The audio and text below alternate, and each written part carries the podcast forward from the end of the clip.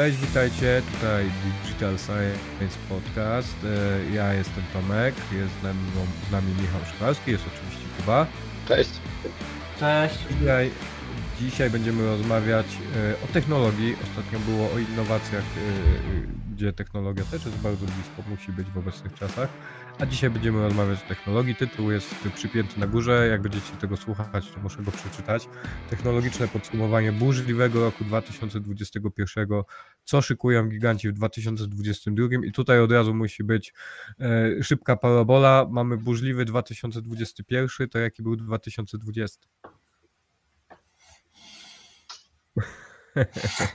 Ciężko go w sumie nazwać. Już nikt nie pamięta po 21. Ja myślę, że tak, że już nikt nie pamięta dokładnie. No. Te, te, miny, które tutaj, tutaj, które tutaj były i ta chwila ciszy, to jest coś, co trzeba zobaczyć na YouTubie koniecznie, więc zapraszamy na kanał.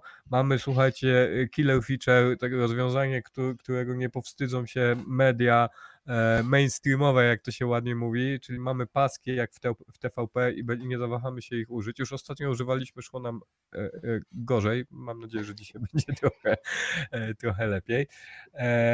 No dobrze, mamy technologiczne podsumowanie burzliwego roku 2021 i co szykują giganci w 2022. Michał jest u nas po raz drugi, bardzo się cieszymy, że, że znowu Cię Michale gościmy, ale podejrzewam, że nasze szerokie grono słuchaczy mogło e, zapomnieć o tobie, czy tam bardziej o tym odcinku, który, w którym rozmawialiśmy, więc musisz kilka słów powiedzieć o sobie. I czy coś się zmieniło od tego czasu, to jak byłeś u nas ostatnio?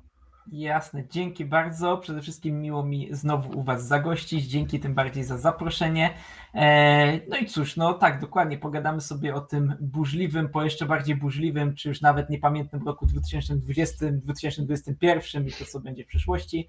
No cóż, kilka słów o mnie, no jak już muszę, dobra, yy, co by tu je mówić. Yy, w digitalu, w mobilu i w e-commerce to tak już w sumie od około 6 lat działam, yy, robiąc bardzo różne projekty, bo od CCC po drodze gdzieś tam współpracując z Morelami, na przykład jeszcze przy jakichś okazjach mobilowych, czy też w innych case'ach robiąc albo dobry mobile, albo porządne www, Obecnie jestem przedstawicielem, członkiem zarządu agencji, która specjalizuje się w właśnie dewelopowaniu, tworzeniu rozwiązań mobilnych.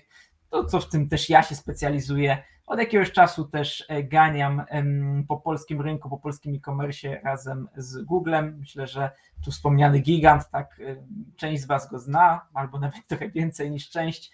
E, I w sumie 2021 rok to nam minął na tłumaczeniu i na wskazywaniu polskiemu e-commerce'owi, czemu przez nieintuicyjny albo niedziałający generalnie UX, albo przez stronę, czyli e-commerce działający z szybkością ślimaka godną, czemu im to tak niedobrze nie konwertuje, jakby sobie liczyli, albo jak ruch wskazuje, że tyle mają odwiedzin z mobilek. Więc to gdzieś tam główny mm, mój fokus ostatnio. E, od zawsze PWA, progresywne apki, bo to z tego nie pewnie znacie przy przeróżnych innych eventach.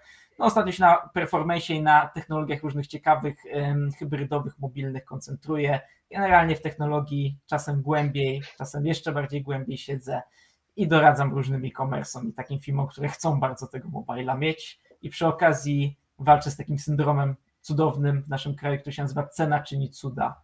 Nie zawsze. Mm, tak. Ceni, nie zawsze czyni cuda, ale warto o tym pamiętać. Ka, e, ka, U nas każdy... pokutuje, pokutuje to niestety w Polsce, że musi być tak. Każda nacja ma swoje e, doskonałe przysłowie, u nas jest cena czyni cuda, e, albo jak Bałtyroczek mówił, przecież nie musimy wszystkiego wypić. Także, e, a Chińczycy mają obyć żył w ciekawych czasach. A w ogóle kiedyś czytałem, że to nie jest chińskie przysłowie, przysłowie tylko o, to ciekawe, jakiej nacji to można przypisać. Ponoć ciasteczka z niespodzianką to też nie jest chiński wymysł, tylko nie. amerykański, więc nasz, całe życie nas oszukiwali. E, e, dobrze. E, no dobra. Mm, a w ogóle taką dygresję znowu, jak już, jak już rozmawiamy sobie, to będziemy dużo, dużo dygresji robić. Jak to, jak postrzegasz w ogóle w filmach UX? Bo ja mam, często się stykam z takim podejściem, że UX to jest to, co użytkownik wyklikuje, w sensie, czy tam dotyka na telefonie. E, I pierwszą, pierwszą rzeczą, którą ja zawsze tłumaczę, to tłumaczę to, że to, co dotyka użytkownik i w jaki sposób to robi, to jest już y, na samym końcu. To, ma, to, to jest w gruncie rzeczy najmniej istotne, bo dużo ważniejsze rzeczy dzieją się wcześniej. A z Twojej perspektywy, jak to wygląda? Mm, wiesz co, z mojej strony to jest y, dość dwojakie rozumienie, bo ja trochę tą stroną agencyjną też jestem skażony, w której to po prostu wiele tych projektów widziałem i tego, co się w ich cyklu życia dzieje, obserwowałem. E, I dla mnie to jest, e, jak się o tym mówi, UX, ale tak naprawdę to jest po prostu od makiet po projekt graficzny, czasem jeszcze zahaczając o badania z użytkownikami różnymi. To jest dość szeroka dziedzina, która jest e, wstępem do zrobienia czegokolwiek w digitalu tak naprawdę, bo powiedzmy sobie, że nawet na początku możemy mieć jakąś analizę technologiczną, dobór najlepszego rozwiązania, whatever, mm, architekturę, infrastrukturę, Potem i tak to musi być e, na tych informacjach dobrze zaprojektowane z właśnie porządnym UX-em, czyli z user experience, czyli z tym, żeby to ludzi, którzy z tego korzystają, do siebie przekonywało i nie gubiło i nie irytowało po drodze. To też jeszcze do tego drugiego rozumienia dojdziemy, ale to gdzieś mm, tam wokół tych sfer się u mnie kręci. No i koniec końców po prostu trzeba to przebadać czasem, ale na pewno zamakietować, sprawdzić, pewne tezy sobie po prostu zderzyć z rzeczywistością, stworzyć z tego projekty graficzne, już takie realne, bardzo bliskie życia, potem dać już deweloperom, którzy zrobią Ci backend, frontend i całą resztę. I czy to jest apka mobilna, ekom, webówka, cokolwiek, po prostu stworzą tego, z tego działające rozwiązanie. Czyli nieodzowny etap projektu, na którym się nie da oszczędzić, jak oszczędzimy, to mamy opłakane skutki, co często też obserwowałem, bo świadomość jest bardzo różna tutaj, zwłaszcza mówię w tym naszym pięknym kraju. Natomiast z jeszcze innej strony, czyli już tej strony użytkownika końcowego i też tutaj mm, tego jakby audytora, który tu akurat bardziej za te aspekty techniczne, performance'owe się wypowiadał w tych audytach, które w zeszłym roku przeprowadzaliśmy, ale mając obok kolegę mega doświadczonego wymiatacza UX-owego, e, to będąc tutaj dosłownie, że tak powiem, stojąc obok i odbierając i widząc, jak to działa, na czym się skupia, jak ja jestem takim użytkownikiem końcowym, chcę coś kupić na jakimś komie, powiedzmy, dajmy na to, nie wiem, szukam sobie nowej karty graficznej, nie chcę kopać e, krypto, ale powiedzmy, że chcę, żeby mi e, działały najnowsze tytuły z czymś więcej niż 30 FPS-ów, i po prostu dobieram coś pod siebie pod wieloma kątami, to zależy mi na tym, na przykład, żeby do tego produktu najlepszego dojść poprzez wygodnie działającą, przejrzystą porównywarkę, na przykład, która da mi opcję zestawić to pod różnymi kątami, które mnie interesują.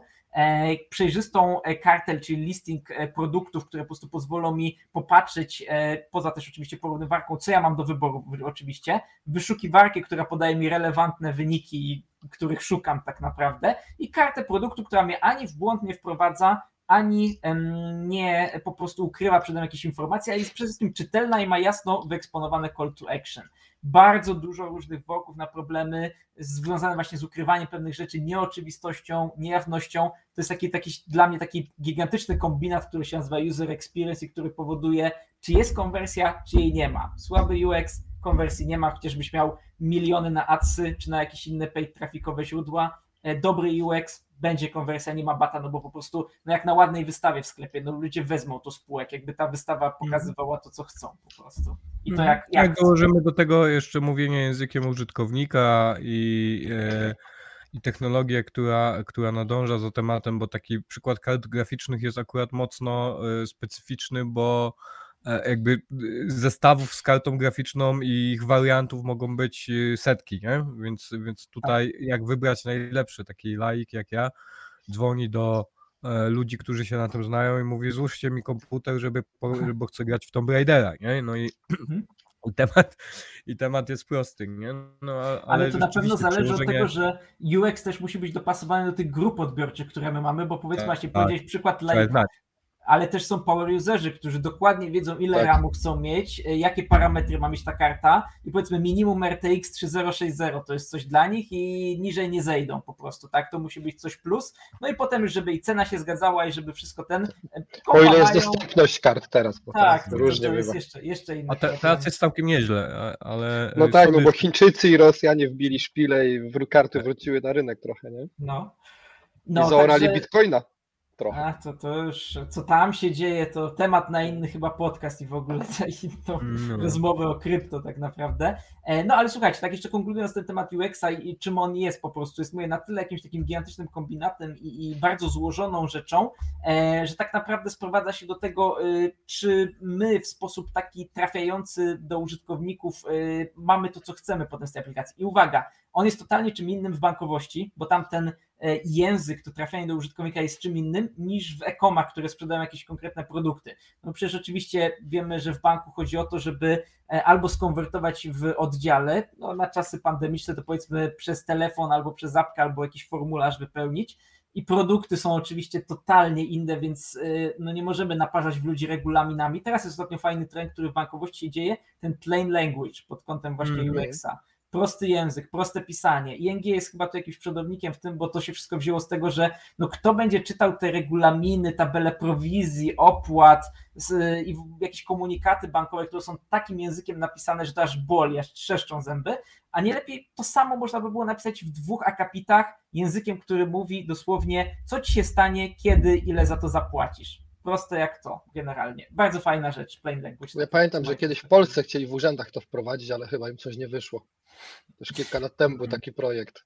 Ja myślę, Tych wszystkich formularzy, żeby przeprojektować właśnie, żeby były prostym językiem pisane. Tu jak, jak walenie murem, e, jak walenie głową w mur, ale myślę, Mhm. że w bankach to podat, na podatny grunt to trafiło i tam się ta No. fajna zmiana dzieje. Tak, ja to przynajmniej jako Też mi się też- wydaje. klient obserwuję.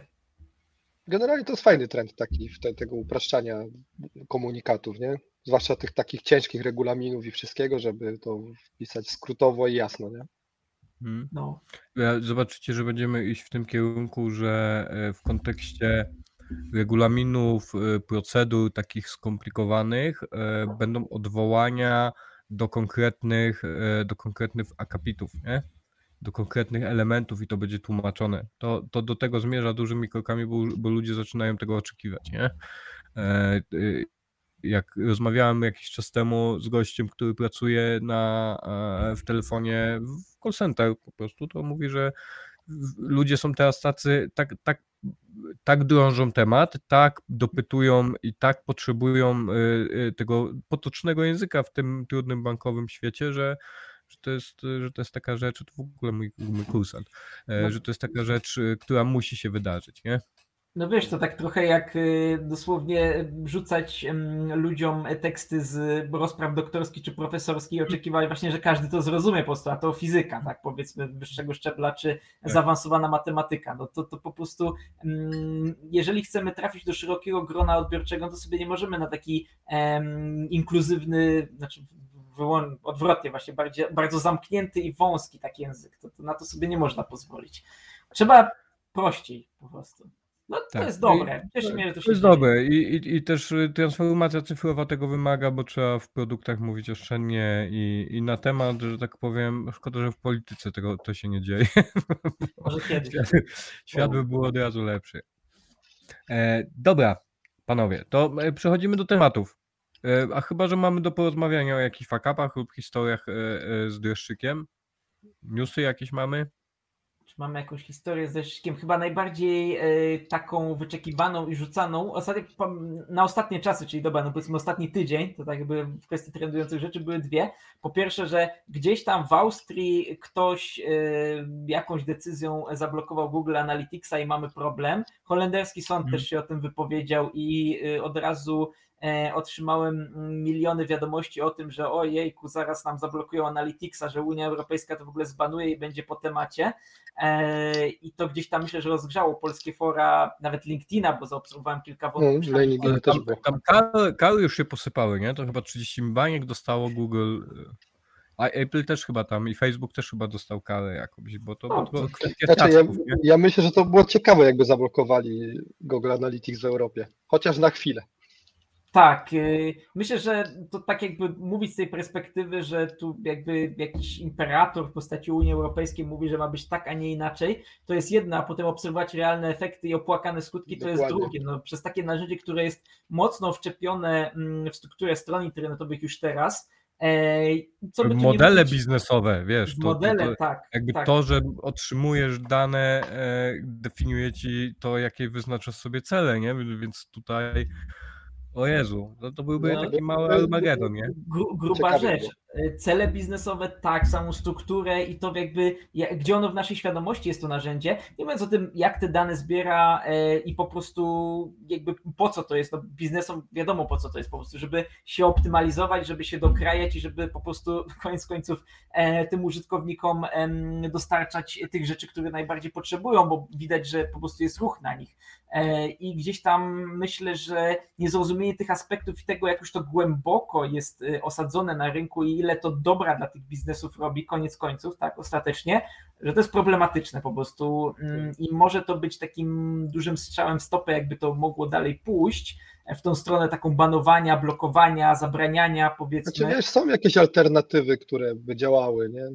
Płatne No. i mniej płatne, które działają i nie są zabronione. Tak, bo no powiedzmy, że dane są w Unii Europejskiej i em, bo to tak naprawdę to tylko dlatego się Tak, e, cała awantura roztacza, że czy dane zostają i są prze- przetwarzane, przechowywane na terenie Unii Europejskiej, czy wychodzą poza. No akurat w narzędziach Google'owych jest tak, że no, nie ma tej gwarancji, że właśnie klucz, nie ma tej gwarancji. To data center, infrastruktura powiedzmy, że mm, tutaj jest, ale gwarancja, tak? I to jest to chyba myślę najbardziej istotne, co doprowadza do wściekłości właśnie ludzi, którzy za te aspekty y, w instytucjach tak tutaj publicznych y, prywatności odpowiadają, tak? No to tam No i, tej gwarancji nie będzie nigdy, bo przecież te dane, o ile nie bezpośrednio, o tyle pośrednio, jakby w, w, formie wzorców, jakichś macierzy będą e, Ja też- wypływać, nie? No to ja jest też czytałem, że internet, to nie, tak. tylko, nie tylko też chodzi o Analytics, tylko o te reszty usług googlowskich, nawet o, o fonty, które są podpięte pod stronę, to one też niekoniecznie muszą być pobierane z europejskiego serwera, to też jest No, no wiecie, no jak, jak działają sieci, bo to przy fontach CDN-ów, tak, no to jest globalna sieć Mhm. serwerów po prostu, który będzie najszybszy, który się złapie, no to tą treść Mhm. dostarcza tak naprawdę, więc tutaj tym e, arsenałem i tą dyskusją o to, czy te dane zostają, czy nie zostają, a tym jak działają takie już bardzo rozpowszechnione mechanizmy, które już dawno temu stały ustandaryzowane, jak CDN, czy jak chociażby e, samo to, jak różne narzędzia Google'owe działają, no to teraz to już nie sposób z tym walczyć. Ja myślę, że i tak patrząc z perspektywy czasu, to e, moja opinia, tak osobista, jakiegoś bana czy zakazu, czy to, że Analytics ze stron e, zniknąć, to nie zniknie. Co najwyżej pojawią się dodatkowe regulaminy, suplementy do regulaminów, które po prostu dookreślą te wątki, czy jakieś tam, że tak powiem, e, luki pouzupełniają i no będziemy gdzieś tam, nie powiem, że w szarej strefie, ale będziemy bardziej na czysto. I myślę, że być może patrząc na to, m, że to, czy to gra na czas, czy to nie gra na czas, ale że e, jeszcze długo i na pewno no, bana jakiegoś natychmiastowego to nie widzę prostu tak z tej strony. No i tutaj możemy przejść bezboleśnie do tematu e, Apple'a i trendu e, bezpieczeństwa i, i, i, i poli- polityki bezpieczeństwa, polityki prywatności ogólnie. Apple się mocno za to wzięło, co, co, co też my mocno odczuli, odczuliśmy e, i zaczęli żądać różnych dziwnych rozwiązań. Ale przy okazji, jak już się za to wzięli, no to się wzięli za, za portfele. No, tutaj myślę, że ta sprawa jest wielowymiarowa, no ale na, przy, na pewno y, zrozumienie tego fundamentu, ja to zawsze powtarzam, jak mówimy o tym na przykład, e, czemu Apple swoją przeglądarkę, którą jak i tak masz iPhone'a, jest nią Safari, bo musi być Safari, bo nic innego nie ma, silnik WebKit, e, rozwijający się z tempem naprawdę szybkiego, ale ślimaka e, i który rzeczy ma takie jak na Androidach i na powiedzmy Chromie, Chromium, tak to już mieli tam 3 lata temu i to już się dobrze uklepało. Ciekawostka, teraz dopiero są dyskusje i poważne e, takie rozkminy, czy wprowadzić powiadomienia push z kanału webowego w WebKicie, czyli na silniku Safari, tak? To jakby wielka rzecz e, i jak się stanie, być może jeszcze trochę czasu Amazing upłynie. Apple. Tak, to, trochę czasu upłynie, e, może dużo nawet wody w rzece, dokładnie jak, jak czasu i coś z tego O ile będzie. będą jeszcze rzeki jakieś, wiecie. To... Tak, o ile nie wyschnie wszystko, dokładnie. E, Więc e, tak, tak to idzie, ale e, kluczem jest to zrozumienie, czemu tak się dzieje. Myślę, że tu dosłownie jak nie ma odpowiedzi na jakieś pytanie, to wiadomo, że chodzi o pieniądze, tak, tak to kiedyś się właśnie parafrazowało. Jak nie wiadomo o co chodzi, to chodzi o kasę.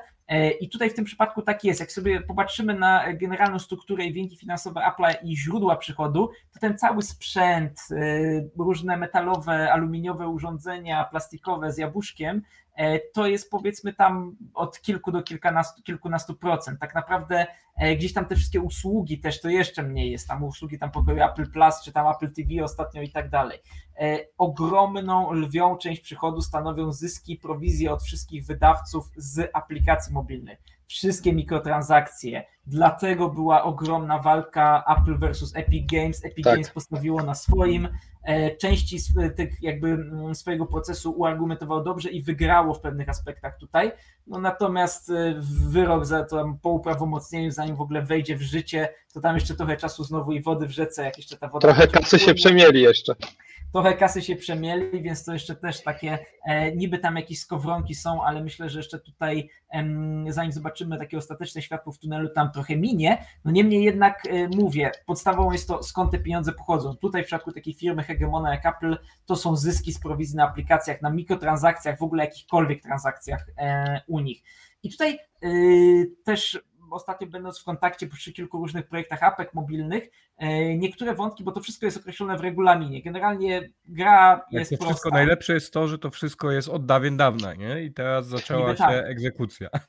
Niby tak, niby tak. E, I faktycznie wszystko to jest w regulaminie, regulamin święta rzecz i gra wygląda tak. Grasz zgodnie z zasadami, z regułami, co mamy w regulaminie, jest spoko. To cię puszczamy, fajnie, no chyba, że ktoś nie dopatrzy, to tam coś wyjdzie i tak to cię i tak puścimy. Tak się zdarza, bo to jest jakby proces też oparty o człowieka zawsze, więc no po prostu ktoś może być lepszy, gorszy dzień, więc zdarza się tak. Potem e, wczoraj taki wątek na Twitterze czytałem, że jest jakaś aplikacja, to naprawdę było śmieszne i ona została przepuszczona. E, jakąś tam diagnostykę z Wi-Fi robi. No powiedzmy, mm, kwestia wtórna, to samo można by było na jakimkolwiek innym urządzeniu zrobić. E, I mamy ten mechanizm, no dobrze Wam znany też, że mm, mamy wysłany monit, oceń tą aplikację, tak po prostu jeden do pięciu gwiazdek, e, nie teraz, czy tam anuluj mhm. i wyślij ocenę. I ta aplikacja ma zrobiony taki mechanizm, aż mnie to zdumiało, jak to zobaczyłem, byłem zszokowany i zdziwiony, który albo jakimś okienkiem, albo jakimś innym mechanizmem przykrywał to, że nie mogłeś, e, nie mogłaś dać jej trzech gwiazdek lub mniej, można było tylko 4-5, po prostu były zablokowane i nie mogłeś kliknąć anuluj w tym monicie, e, tylko mogłeś kliknąć dalej i oczywiście dać 4 albo 5 gwiazdek. No, myślę, że się domyślacie, że jeżeli chodzi o reguły Apple, tak, tak, że myślę, że się domyślacie, że jeżeli chodzi o reguły Apple'a, no to, że tak powiem, ktoś tu miał głęboko to gdzieś i to nawet mhm. głęboko tak, że nie wiem, czy rosyjscy naukowcy, którzy wiercili najgłębszą dziurę w ziemi, im to się udało, czy to nie jest głębiej przypadkiem, e, no i właśnie to, to, to, to, to było na App Store. Nie wiem, jaki jest los tej apki teraz, E, i czy ona gdzieś tam dalej żyje, czy już została zbanowana. Słyszałem, że e, twórca tej apki e, chyba jest, ale pod innym kątem, pod innymi danymi, tak. więc gdzieś tam jeszcze się porusza w jakiejś szarej strefie. Zdarzają się takie flopy, tak? Bo, bo interfejs, ten proces oparty o proces ludzki, gdzieś tam się znajdzie reviewer z lepszym dniem, z gorszym, no i mamy coś takiego.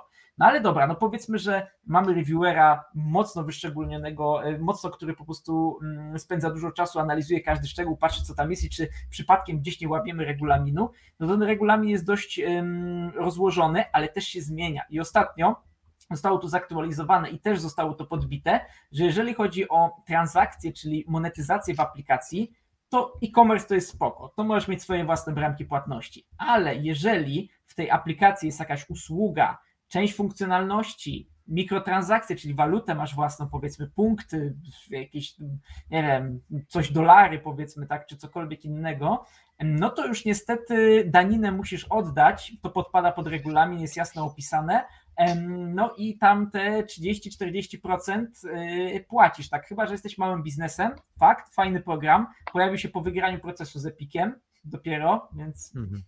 fajny timing też, e, to płacisz mniej około 18% z tego co pamiętam. Mhm. To jakby gdzieś już niuans, ale to, to jest mniej najzwyczajniej. E, I to tylko jak masz 5 milionów dolarów przychodu rocznie, przebijesz to, to do widzenia, wpadasz w ten drugi próg podatkowy, daniny więcej płacisz jak państwu. No i, i tak, jak to polski mieliśmy. ład. Tak. Tak, amerykański ład, dosłownie. Amerykański. polski ład. Oni, oni to robią od zawsze. Tak, tak. No i tak, no to, to wyobraźcie sobie, no te, te obwarowania macie. E, no i mówię, ok, e-commerce y, sprzedające usługi czy produkty skądś indziej, no, tak jak tam Morele czy jakikolwiek inni um, sprzedające jakieś dobra fizyczne, to jest ok, to jest całkiem spoko. Natomiast no, wpadasz w to, że chcesz jakoś monetyzować się z tej aplikacji, no to musi być in-app purchase, musi być mechanizm płatności Apple'owej, no w związku z czym musi być e, danina po drodze odprowadzona odpowiednio i na tym Apple w głównej części zarabia, tak? To są po prostu, to jest ten klub przychodu. No jak mamy sobie wyobrazić Epika, który wymachuje szablą, żeby to przewalczyć, no to po prostu tak jakby wypowiedział wojnę Apple'owi na jej główne źródło utrzymania i kazał im usunąć kilkadziesiąt procent swojego przychodu, no to łatwo nie pójdą. Armia prawników hmm. będzie, rozprawa dwuletnia będzie i zobaczymy, jak to się skończy. Co hmm. prawda zaskakująco to się może skończyć jeszcze dobrze dla Epika cały czas, więc to jakby to jest to mimo to, że ta wojna dla nich nie jest przyjemna ani trochę, bo przez to, że oni się jakby wykluczyli i usunęli z urządzeń Apple'owych i z Maców, z macOSa, to oni krwawią, bo tracą duży fanbase po prostu, który teraz jest zmuszony, żeby na przykład Fortnite'a pograć, no to emulator, w sensie emulator, maszynę wirtualną z Windowsem, no to ok, wydajność taka sobie, albo korzystać ze starej wersji, która jeszcze przed tym, przed całą no, wojną. Nie, no to jeszcze płytka z y, GeForce Go, Go, GeForce Now, to się tak, nazywa, nie? Tak. To, to jest cloudingowe, nie? Też fun fact, nie ma oficjalnych aplikacji streamingowych w Apple App Store, GeForce Go, E, Stadia chociażby, czy mm, inne usługi, które mamy, Microsoft Xbox, tak? Jedyną oficjalną drogą, żeby do tego się mm, dobić, no to przeglądarka, odpalasz Safari, fajnie webki. Dobrze, że obsługuje. Do tyłu, jak jeszcze obsługuje, ale nie. Dobrze, okay. że odpala. No. E, prób, próbowałem, powiem wam, przy Microsoftowych usługach działa to i działa porządnie, więc no tutaj no webki, tak webki Safari jeszcze daje radę sobie, natomiast ym, śmieszne jest to, że po prostu takie aplikacje, no na Play Store to one są i to od dawna. Tu się nie pojawią, bo znowu tam podpadają pod jakiś punkt regulaminu, że e, one w ogóle nie wejdą tak do Apple App Store'a, bo po prostu nie spełniają tych reguł już takich związanych z tym publikujemy czy nie publikujemy. Nawet nie chodzi o transakcje, tylko chodzi o to, że e, nie lubimy jak się ludziom daje jakieś furtki, bo przecież to mogło być jako e, te wszystkie gry na Apple App Store czy tam hmm. macOS Store do, do, do kupienia i do pobrania, tak? Tylko no, nie każdy hmm. chce tak płacić, nie każdy też jakby tą, tą daninę chce oddać po drodze. Obserwujemy ja taką, coś takiego. Taką dygresję mam, że ten system płatności, to oddawanie 30% tam twórcy urządzenia, to jest system konsolowy, który swego czasu stworzył Activision. Odchodząc, y, programiści odchodzili od Atari, popisali tam programy, czyli gry na ich sprzęt, odeszli, założyli Activision i zaczęli pisać lepsze gry na Atari niż Atari na swój sprzęt i tam wiesz, sprawy sądowe i tak dalej, i tak dalej. Jedną mm. z punktów ugody było to, że wydając gry na y, Atari będą musieli po prostu oddawać część dochodu Atari, nie? I od tego A. czasu wszystkie konsole działają w ten sposób. Nie? No i mamy takie właśnie taką decyzję albo jakiś szereg, jakieś reakcję łańcuchową, która potem zmienia życia takich zwykłych zjadaczy chleba i całej branży, tak, dosłownie, bo, bo, bo to okazuje się, że e, tak musi być, no bo inaczej płacimy, płaczemy mhm. z tego powodu też. No, także widzicie, tutaj y, bardzo wielowymiarowy problem, wątek, jak sobie wyobrazimy, skąd to, y, skąd to mamy, bo po prostu, bo tam trzeba zarabiać, bo też pieniądze muszą się zgadzać, e, no to wiemy już skąd jest ten skok na portfele wydawców i to polityka prywatności to jest ten mm, app tracking e, ATT to się nazywa, tak, czyli mm, czy tam ATP chyba, której z tych w każdym razie, e, notyfikacje, które ostatnio musiały być wprowadzone, bo właśnie się zmienił regulamin, tak, odnośnie tego punktu, który ma oznajmiać wszystkim aplikacjom, który ma być wbudowany we wszystkie aplikacje, nieważne jak śledzą, czy są po prostu skonstruowane jako opakowania na webowe aplikacje, czy są aplikacjami natywnymi, ma dawać użytkownikom informacje, mamy takie narzędzia, czy używamy takich rzeczy, ciastek, skryptów, cię śledzimy i w takich aspektach i dawać im możliwość. Chcę być śledzony, nie chcę być śledzony. Jako mhm. konsument brzmi to fajnie. Bym klikał, klikam, nie zgadzam się, nie zgadzam się, nie zgadzam się, bo tam gdzieś powiedzmy em, też wolałbym, żeby no, po co to i jak to, e, ale też z drugiej strony będąc po, po, stronie wydawcy, często biznesu, mając świadomość po co te dane są, no to oczywiście, że nam zależy na tym, żeby jak najmniej użytkowników w ogóle albo ten moim dostało, albo kliknęło, że zgadzam się, chcę po prostu, tak, bo mhm. no potem mamy brak danych i, no, że tak powiem, nie, niekompletne jakieś analizy, takie nie możemy potem wysnuć konkretnych wniosków. E, innym problemem jest to, że... odbierają to zero-jedynkowo. Jeżeli Tak. chcesz zbierać dane, to śledzisz, chcesz patrzeć, gdzie chodzisz, gdzie kupujesz e, małpkę, w którym monopolowym No najchętniej. to jest duże niezrozumienie tego, bo wszystko jest przedstawiane jako największe zło, nie? No Jak tak, śledzisz, ale, to wiesz, zaraz będziesz mnie oglądał przez kamerkę, nie? ale to nie jest obowiązkiem No bo to jest mniej więcej ten poziom on- rozumowania jest. to nie jest, to nie jest obowiązkiem użytkownika, żeby on znał mechanizmy, które tam działają, nie? A Apple, jak to Apple, y, ma taką y, zacną historię, że oni niczym Napoleon i wsiadają na konia, y, biorą, biorą armię i idą na wschód, no bo why not? No, no. I, No, i sami tak, nie będą świętymi, nie? No chyba, że, chyba, że ktoś wcześniej jakby przyjdzie ze wschodu, z zachodu, z whatever, do Epic Games tak na przykład, który No. po prostu postanowił, że odpowie, em, rzuci rękawicę też i po prostu zobaczymy, co z tego wyjdzie. No, to, To, to, to ja, ja bym powiedział, że to bardziej jest y, powstanie, jak już trzymamy się nomenklatury militarnej, niż, niż jakaś rewolucja, nie? Tak. E, no ale, ale no, ten trend prywatności, to z, z jednej strony to jest dobra rzecz, nie? I to, że Unia to for, forsuje, bo już, już same te PR i, i implementowanie, e, informowanie użytkowników o ciastkach i tak dalej, i tak dalej, zbudowało fajnie tożsamość i, i, i wiedzę jakby w, w takim szerokim mindsetie zwykłego użytkownika. E, Natomiast no to też jest furtka dla, dla, dla Apple, żeby przykręcać śrubę, nie? Że, e, i, I dla innych firm, żeby, żeby ten trend e, wykorzystywać, nie?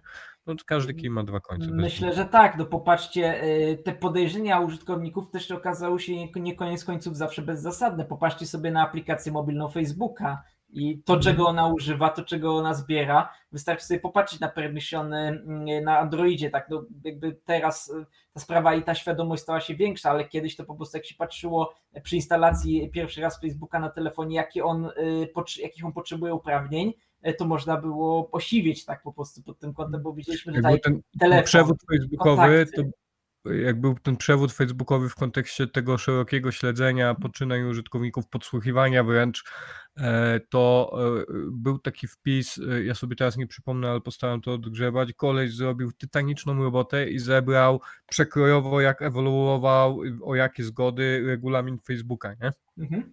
O, To To tam nie widziałem włos, się jeży na głowie, nie? No, No tam tak, wszystko, dosłownie wszystko, co tylko mogli, jak, jak, jak użytkownik był nieuważny, e, gdyby Android, Apple gdzieś tam na poziomie sklepów nie wymagali tych informacji z czasem, no to No, a potem ktoś się dziwił, wielu moich znajomych tak naprawdę się dziwiło, że no i tam gdzieś tam mieli telefon obok, yy, nawet chodzili gdzieś tam po mieście, mieli go w kieszeni, mówili o tym po prostu, czy rozmawiali z kimś, że kupiliby sobie jakiś specyficzny fotel o takim kolorze, a potem przeglądają Facebooka i się dziwią, że mają reklamę powiedzmy Ikei, taki fotel, taki kolor, o co chodzi w ogóle, skąd oni wiedzą, dobrzy są po prostu. No, Kto- ktoś chodził po cu- służby, Pegasus. Mm, no. no. O, Pegasus, kolejny, ja widzicie, jest, jest o Pegasusie, Ju- już mam, już mam e, słowo klucz do, do Lida, do odcinka. Ja myślę, że trzeba by się było zastanowić e, a propos Pegasus versus Facebook, kto jest lepszy, czy Meta teraz tak naprawdę. Znaczy, wiesz, no Pegasus, znaczy Facebook jeszcze nie jest uznawany jako broń, a Pegasus jest, nie? Ale jakby popatrzcie nie w patrzeć, kontekście, w kontekście Cambridge Analytica, czy w kontekście tych podobnych y, tarć Facebook i polityka sama, tak jakby wpływanie na różne wyniki, czy chociażby e, na różne jakieś decyzje, czy na sytuacje, to ja nie powiem, czy tego już pokrótce albo za jakiś czas nie będziemy mogli nazwać, to nie powiem, że tak bardzo wytargetowaną i wycelowaną bronią, jaką jest Pegasus, tak stworzone przez em, Tu jest taka różnica, że firmy. tu się jednak po części zgadzałeś udostępniać te dane, czy świadomie, czy nieświadomie, klikałeś, że się zgadzasz, a Tak. Pegasus działa na twoje No to, to, to jest wycelowana po prostu, No. wycelowane działanie, wycelowana broń. No jak podsłuch, tak po prostu. Nie, nie zakładamy z randoma ludziom nieświadomym, czy takim, których nie potrzebujemy podsłuchu, tak, no to dokładnie. Także Dobra, panowie. E, wróćmy do tego 2021 roku. My mieliśmy troszkę podsumować. E, cały czas krążymy wokół tych tematów, e, ale zauważcie, ja mam taką, taką dygresję życiową, że tak powiem. Mamy 26 stycznia. E, I tyle rzeczy się dzieje, że w takich rozmowach, e, tak jak my rozmawiamy sobie tutaj i, i, i ktoś może nas słucha, tak jak się rozmawia w pracy między ludźmi, jak się rozmawia e, z klientami, z, ze współpracownikami, to ten nowy rok 2021 no bezwzględnie zabiera cały rok już w, tym, w tych 25-26 dniach nowego roku. Nie? Już, już go kradnie, już te wątki, zresztą u nas też. Tak dużo się dzieje, tak dużo zmian nawet na gruncie technologii, że, e, że tu jest ten. Ale myślę, że mimo tej bieżączki, która jest nam najbliżej, koszula naj, najbliższa ciału, e, to może spróbujmy wyciągnąć sobie takie technologiczne nowinki z 2021 roku. Zaczniemy oczywiście od gościa, bo my pewnie jesteśmy nieprzygotowani. Jak zawsze.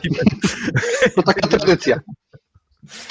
Oj, oj, ja, ja to myślę, że. Będziemy szyć do, dobrze wiecie, co tam w trawie piszczy, tak? Tylko zupełnie tak jakby ja mając ten przegląd projektów, powiedzmy taki, że tutaj poniedziałek projekt XY, y, ale wtorek projekt ZN, powiedzmy tak. To tak, tak to wygląda. Można naprawdę wiele ciekawych aspektów poznać. No i właśnie 2021. E, co poza tym, że był kolejnym rokiem po 2020, co w nim było takiego ciekawego? E, myślę, że tak mówimy, technologia, e-commerce, digitale, apki mobilne, m-commerce za tym idące, mm, kilka ciekawych wątków się pojawiło. E, pierwszy, który już wybuchł, może powinna powiedzieć nawet w 19 roku, e, potem w 20 trochę przycisk, no bo były inne ważniejsze sprawy, w 2021 znowu wypikował.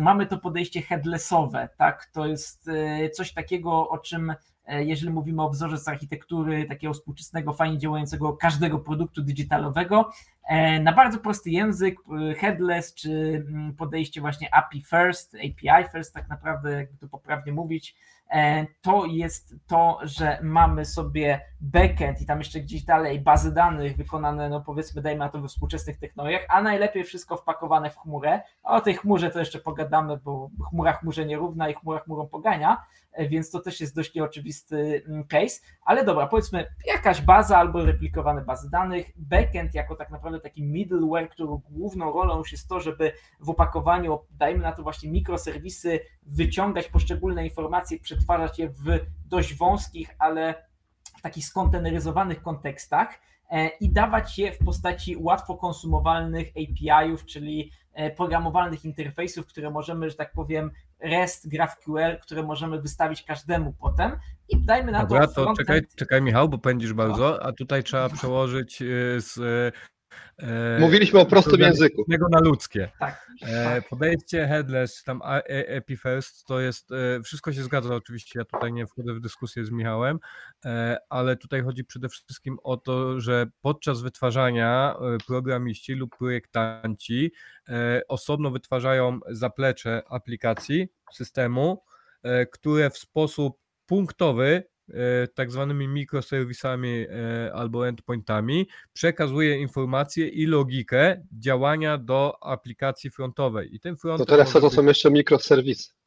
E, to, to może ja punktowo dostarcza. Mikroserwisy to jest, to jest temat, który dostarcza punktowo pewien zakres danych i logikę lub zakres danych i logikę, zakres danych lub logikę, to w różnych tych i front czyli front aplikacji, to co użytkownik widzi w przeglądarce lub w aplikacji mobilnej, odczytuje te dane i działa zgodnie e, z tymi, e, z tymi, e, z tymi wskazaniami, z tymi serwisami, dostarczyć pewną funkcjonalność użytkownikowi. Co ważne, e, no tutaj jakby kombinacji jest mnóstwo, tak jak wielu jest programistów, wielu architektów. E, te interfejsy programowalne, jak to ładnie Michał nazwał, zawsze mi brakuje tego słowa, jak te interfejsy nazwać, czyli to komunikacja frontu aplikacji z zapleczem aplikacji z systemem może się od, od, odbywać jednostronnie, czyli od backendu do frontu, może się odbywać dwustronnie, to zależy jak jest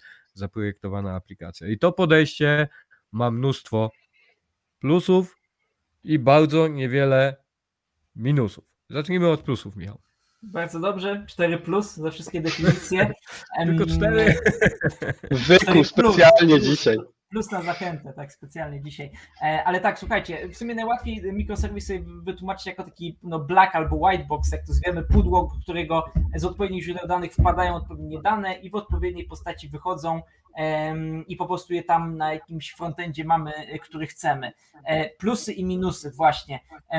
Tak o tym się dużo mówiło i zwłaszcza też w kontekście e-commerce'ów, że warto też poznać rys historyczny. Kiedyś aplikacje pisało się jako monolity, tak zwane, E, czyli po prostu jedna zbita bryła kodu, która sama w sobie odpowiadała za e, bardzo bliski kontakt z bazą danych, czasem bliższy albo nawet jeszcze bliższy, przetwarzanie, odpowiednią logikę i od razu wyświetlanie, tak? Czyli to tak jakby naprawdę zbita bryła kodu, która robi wszystko od e, posiadania danych po wyświetlanie ich na przeglądarkach, czy dostarczanie ich w ostatniej drodze już do przeglądarki użytkowników. Taki typowy no i... program komputerowy. O. Tak, dokładnie, tak typowa aplikacja jakaś desktopowa, tak by to można było nazwać. No i na zasadzie takiej analogii to no kiedyś tak się myślało, że to mm, aplikacje czy tam programy komputerowe, no tak muszą działać strony internetowe. E, no dobra, no fajnie, no podejście jakby miało swoich fanów, potem pojawiły się wariacje typu wzorzec MVC, czyli model widok controller, który już podchodził do tego zagadnienia, że ten monolit można trochę po, jakby powiem, poszarpać, ale porozbijać. Na tutaj, że model jest, który się zajmuje danymi i ich odpowiednim uzyskaniem, jest sobie kontroler, który ma logikę, co to przetwarza te dane, po prostu, która z e, samego surowego wpisu w bazie danych robi fajny tutaj e, przygotowany już komponent na stronę. No i widok, który te komponenty wyświetla jako odpowiedni szablon, tak powiedzmy tam mamy stronę główną e, naszego serwisu .com slash produkty slash powiedzmy GeForce tam RTX 3060.html czy .php, whatever jak to tam było zrobione, no i tam po prostu to jest złożone z wielu klocków komponentów. No i potem jeszcze tutaj, co Tomek o tym wspominał, mieliśmy już wielu programistów, wiele podejść, ta architektura w IT ewoluuje cały czas, e, zaczęto to jeszcze bardziej rozbijać, pojawiły się mikroserwisy, pojawił się ten pomysł, że w ogóle oddzielmy cały ten backend, który po prostu ma odpowiadać za dane i za ich odpowiednie dostarczenie i ten frontend. I główny plus, właśnie jak już mówimy o plusach i minusach, czemu tak zrobiono? Po pierwsze, wyobraźmy sobie to w tych mikroserwisach. E, one są skonteneryzowane i replikowalne. Powiedzmy, że możemy ich mieć tak jak UPS-y, tak, że działa jeden, ale padnie nam ten mikroserwis, bo się przeciąży, zatka, whatever, coś się stanie. E, jak to jest skonteneryzowane, to nic nie stoi na przeszkodzie, że trzy obok w gotowości stoją, po to tylko, żeby obsłużyć wzmożony ruch na stronie albo przejąć działania tego mikroserwisu, który się zatkał albo padł. Czyli redundancja danych, po to się kiedyś rajdy robiło, czy te macierze z dyskami, po dziś dzień się robi, że jak padnie nam jeden dysk, w pewnych modelach rajdów oczywiście, to drugi wznawia, kontynuuje jego działanie, nie ma utraty danych. To jest to tylko w web developmentie, tak dokładnie mówiąc. Duży plus, oczywiście i tak to powinno działać i no myślę, że no chyba tu mamy jakąś ogromną zaletę właśnie takiego podejścia, bo jak monolit padnie, się wysypie, ło, nic nie mamy, w ogóle do widzenia po prostu, jak jakby nam elektrownia padła po prostu, no to tutaj mm. jakby nic nie wskuramy, UPS-a nie mamy, no to, no to zasilania nie ma nie pracujemy. Drugim plusem jest też skalowalność tego podejścia, nie? że tak. e, najbardziej ewoluuje, to historia pokazuje, najbardziej ewoluuje warstwa interfejsów użytkownika. Nie? Co zmieniają się trendy, zmieniają się urządzenia. No, tu mamy, mamy UX właśnie, który też tak. wymaga przez konsumentów, że to musi być przyjazne, bardziej lepsze, dopasowane. No. Tak, to jest drugi e, plus. Trzeci plus, o, o którym warto jeszcze powiedzieć na pewno, to jest time to market. No bo jeżeli mamy opracowaną architekturę, strukturę, e, to wszelkie rozwiązania raczej nie zmienia się struktury danych zbyt często, natomiast tak jak wspomniałem, front może się zmieniać e, i mogą się zmieniać, nie wiem, podejścia, modele biznesowe, procesy na tym froncie. Elastyczność tego rozwiązania daje dużo. Elastyczność tego rozwiązania, nie? Wyłączyć ja mikroserwis, dopisać nowy, włączyć i nie tak. będzie... Ja myślę, że ten wzmożony ruch, no wyobraźmy sobie, że mamy Black Friday, no to to jest idealna odpowiedź na to, tak, bo jakby będąc uzbrojonym w armię mikroserwisów, który każdy odpowiada za jakiś punkt na stronie, to my się po prostu uzbrajamy przed tym, że jak mamy ruch pokroju miliona osób jednego dnia, to my to obsłużymy. Monolity padają, to trzeba by było replikować całe serwery, po prostu robić farmy, inwestować y, dziesiątki tysięcy, nawet nie więcej w infrastrukturę, bo tak to się do tego potrafi sprowadzić. To jest podejście. A spróbuj przejąć monolit na chmurę. A co to w ogóle ten? To jak będziemy o chmurze gadać za chwilę, to, to mm, jeszcze to poruszymy, ale kończąc tutaj monolity i mikroserwisy, e, ta zaleta elastyczności, o której powiedzieliśmy, ja to postrzegam tak, że trochę jak z tymi współczesnymi nowymi rozwiązaniami w tym webie i w tym mobilu, tak, czy tam w M-webie już w ogóle w jakiejś takiej fuzji tych dwóch rzeczy. E, frontem takiej aplikacji, która te mikroserwisy i to podejście headlessowe oparte na API ma, może być www, czyli strona internetowa, jak znał, tak znał, po prostu sklep, który tam gdzieś mamy pod swoją domeną, ją funkcjonuje, czerpie dane z tego headlessa, z tej takiej e, infrastruktury i sobie ładnie działa i jest jeszcze skalowalny i odporny na jakieś awarie. To jest jedno ale bardzo prostym sposobem, po prostu odtwarzając ten front w postaci aplikacji mobilnej, możemy sobie dołożyć szybko time to market, tak dokładnie kolejny kanał, apkę mobilną, jakąś hybrydową, jakąś w całości natywną, jak chcemy, tak to zrobimy. Po prostu interfejs Możemy dołożyć sobie apkę mobilną, która działa na wyrywku procesów lub wyrywku danym bardzo wąskim, bardzo spersonalizowaną. Możemy Dokładnie dodać tak apkę na zegarek, która będzie tylko wysyłać Tak. powiadomienia, że nowe karty RTX 3060 są. Możemy dodać apkę na Cartentainment, bo Toyota od jakiegoś czasu przy releasie Fluttera 2.0 wspiera aplikacje, które są we Flutterze napisane i tam możemy po prostu zrobić interfejs front do tego, a dane czerpać z naszego headlessa, z naszych mikroserwisów. Skręć w Fajnie, prawo, to powiadomienie z Morele ci wskakuje. No, na A. przykład. tak. Twój. RTX po pół roku już w drodze. No. No, albo nawet yy, myśląc jeszcze starym sposobem, koniec końców do czegoś ich potrzebujemy, jeszcze jakoś ich używamy, możemy sobie apkę desktopową zrobić w technologii dowolnego wyboru. Jak lubimy się uchytać, może być C i C++. Tak, nie to jest fajne, bo, ma, bo dostarczamy dane, a co z ty z nimi zrobisz, to już jest twój wybór. Tak, to już jest Albo można myśleć jeszcze całkiem nieszablonowo, czyli na przykład wystawić taki interfejs podmiotom zewnętrznym, żeby No, mogły korzystać. Tak jak i mówię, to zamawiać Masz, podajesz dane, a co robisz z nimi, to już jest akurat twoja To, sprawa. to jest chyba wstęp do tej współczesnej, nowoczesnej architektury informacyjnej państwa, o której tam gdzieś się mówiło, po prostu te gov serwisy i tak dalej. E, No, brzmi to która ładnie, pięknie na papierze, ale tam zanim w tym govtechu się coś zadzieje i to będzie porządne, tak żeby Ja się boję, bo jak słyszę, że oni chcą coś zmieniać, to znaczy, że będzie nie działało. Tak, tak, dolecieć do tego się to sprowadza, bo tak było z tymi wszystkimi mm, medycznymi danymi. No co muszę powiedzieć, że ten pacjent gov.pl, okej, spoko, poza jakimiś tam, wiadomo, na początku flopami. To, to no wam powiem y, dygresję z branży y, telemedycznej, z e-health, jak to się mówi światowo. E, te wszystkie interfejsy, które służą do e, zamawiania leków, do e, wystawiania recept i tak dalej, i tak dalej, e, to jest napisane w bardzo solidny, stabilny sposób. Naprawdę, my się w to 3-4 lata temu, e, no to były trochę inne czasy, wpinaliśmy bezproblemowo. To było stabilne, szybkie, e, wypracowane. No, z racji też tego, że tam jakby kasa jest, bo jakby biznes farmaceutyczny to są jakieś niebotyczne pieniądze, nie? Więc, więc to trzeba było dobrze, dobrze zabezpieczyć. E, Przepływ e, e, e-recept, no to e, się w ogóle jakby startował wtedy, ale to było super napisane, nie? Jak na tamte czasy i standardy. Oczywiście ja jak w tym siedziałem, tym się zajmował z tego, e, z tego co kojarzę Camsoft katowicki. E, oni dużo tych rzeczy robili e, dla, dla, dla ministerstw. E, no to e, no jak się tam siedziało, no to Jezu, co za lamusy, co oni tam nawyrabiali, jak się z tym, ale koniec końców dużo łatwiej się to robiło niż e, rzeczy, które byśmy pomyśleli, że mamy pod ręką i są zrobione prosto, nie wiem, rzeczy gospodarcze, rzeczy związane z PUE, nie? No słuchajcie, ja myślę, że to podejście jest i będzie, będzie tylko ewoluować coraz bardziej. O tych plusach to sobie powiedzieliśmy, a teraz e, może trochę o minusach. E, Generalnie tak, e, można generalnie też oczywiście sobie stosując podejście headlessowe i mikroserwisując wszystko zrobić krzywdę. Jak na przykład e, natworzymy mikroserwisów za dużo do wszystkiego po prostu, tak będą, no w sensie no popełniłem błędy na etapie projektowania architektury IT, co koniec końców przerodzi się w taką toczącą się kulę miliona mikroserwisów, która tylko dobija naszą infrastrukturę, a jej nie pomaga, tak? Więc też generalnie po prostu trzeba tutaj uważać na to, ale to bardziej mówię przy podejściu i przy planowaniu. To myślę, że jest y, łatwe do uniknięcia. Ale to jest, chyba odpowiedzią, zdarza. nie?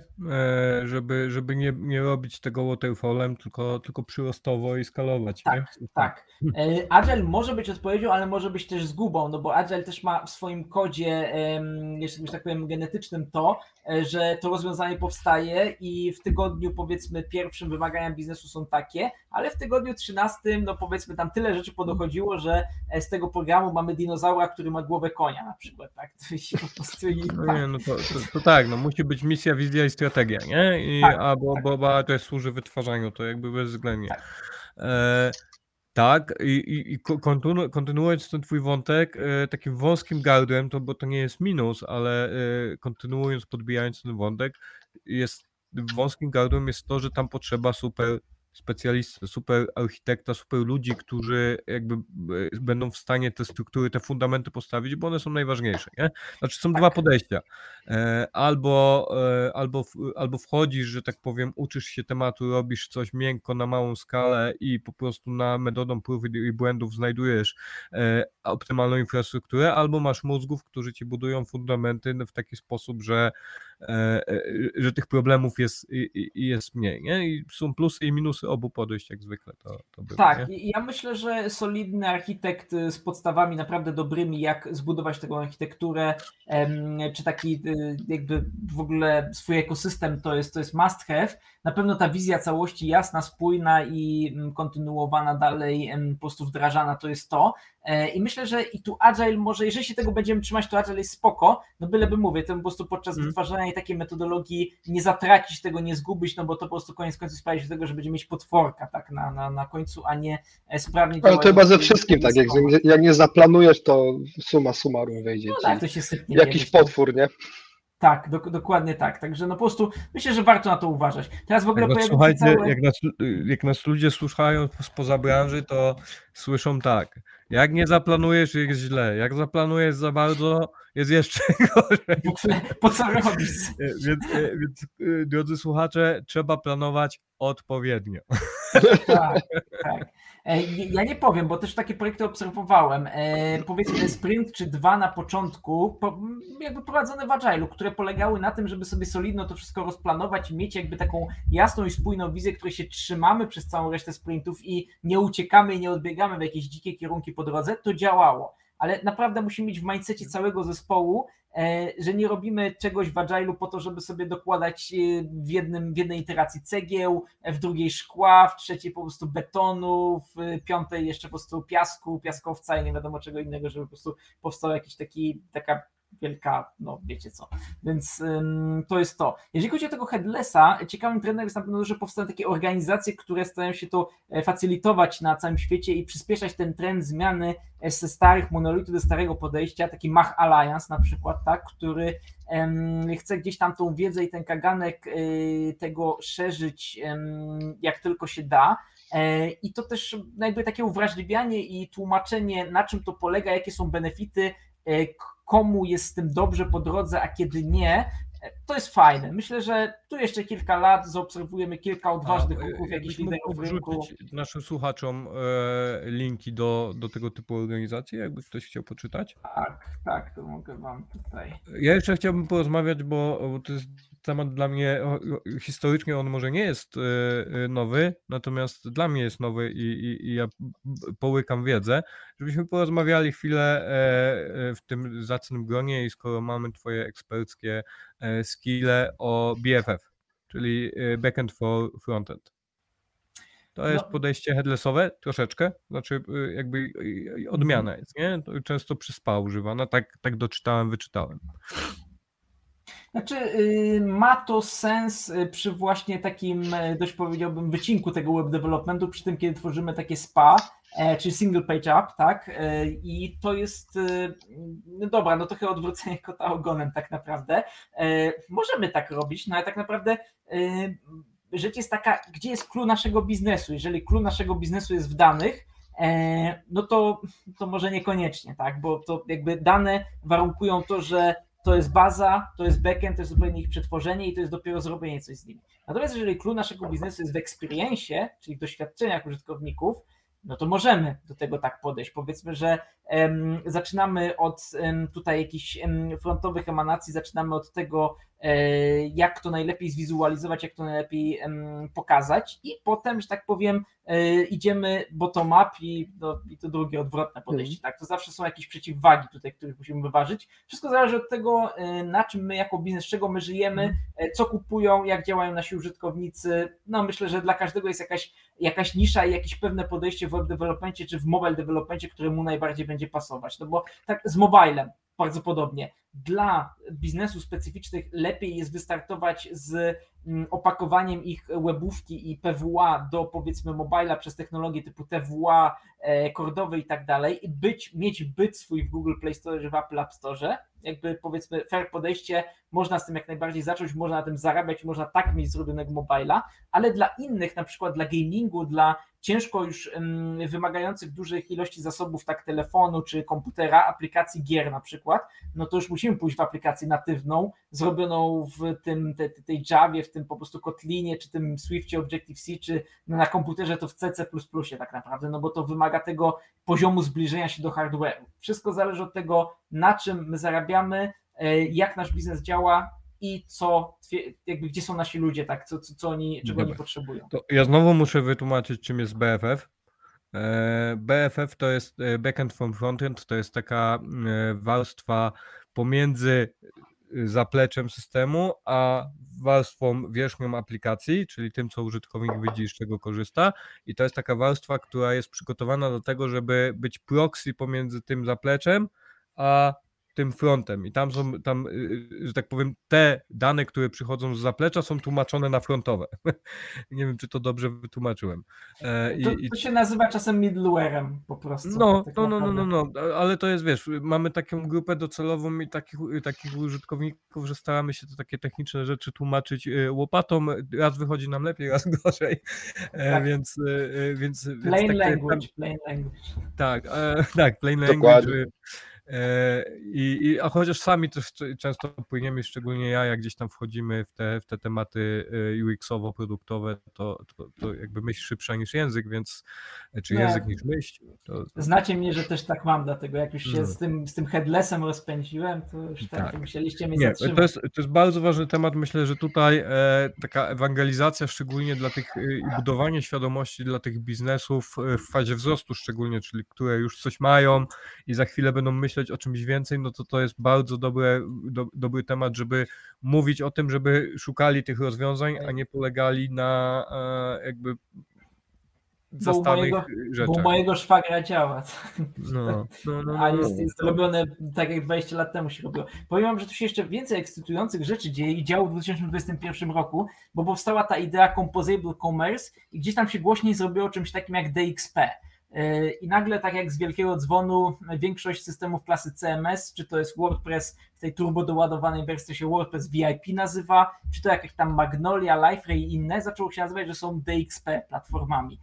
Czyli? Całe, Digital, Exper Digital, Experience Platforms, tak. czyli cały klucz w tym i Composable Commerce polega na tym, że jak sobie wyobrazimy ten ekosystem digitala w naszej firmie, czymkolwiek by ona nie była, bankiem, e-commerce sprzedającym elektronikę czy ubrania, e, to możemy go rozczłonkować na wiele takich wysokopoziomowych komponentów. I powiedzmy, jednym z nich jest e-commerce, który może być customem albo zrobionym w technologii Magento, PrestaShop, WooCommerce, cokolwiek innego. Kolejnym z nich jest CMS, czyli Content Management System, warstwa frontowa, która zapewnia powiedzmy treści blogowe, artykuły, czasem jakieś tutaj z opisem wideo i tak dalej, ogólnie zarządzanie contentem na stronie. Tak, no, pozwala osobom nietechnicznym tworzyć y, treści i rozwijać strony internetowe w postaci czasem bardzo pięknych, wizualnych edytorów, drag and dropów, what you see what you get i tak dalej.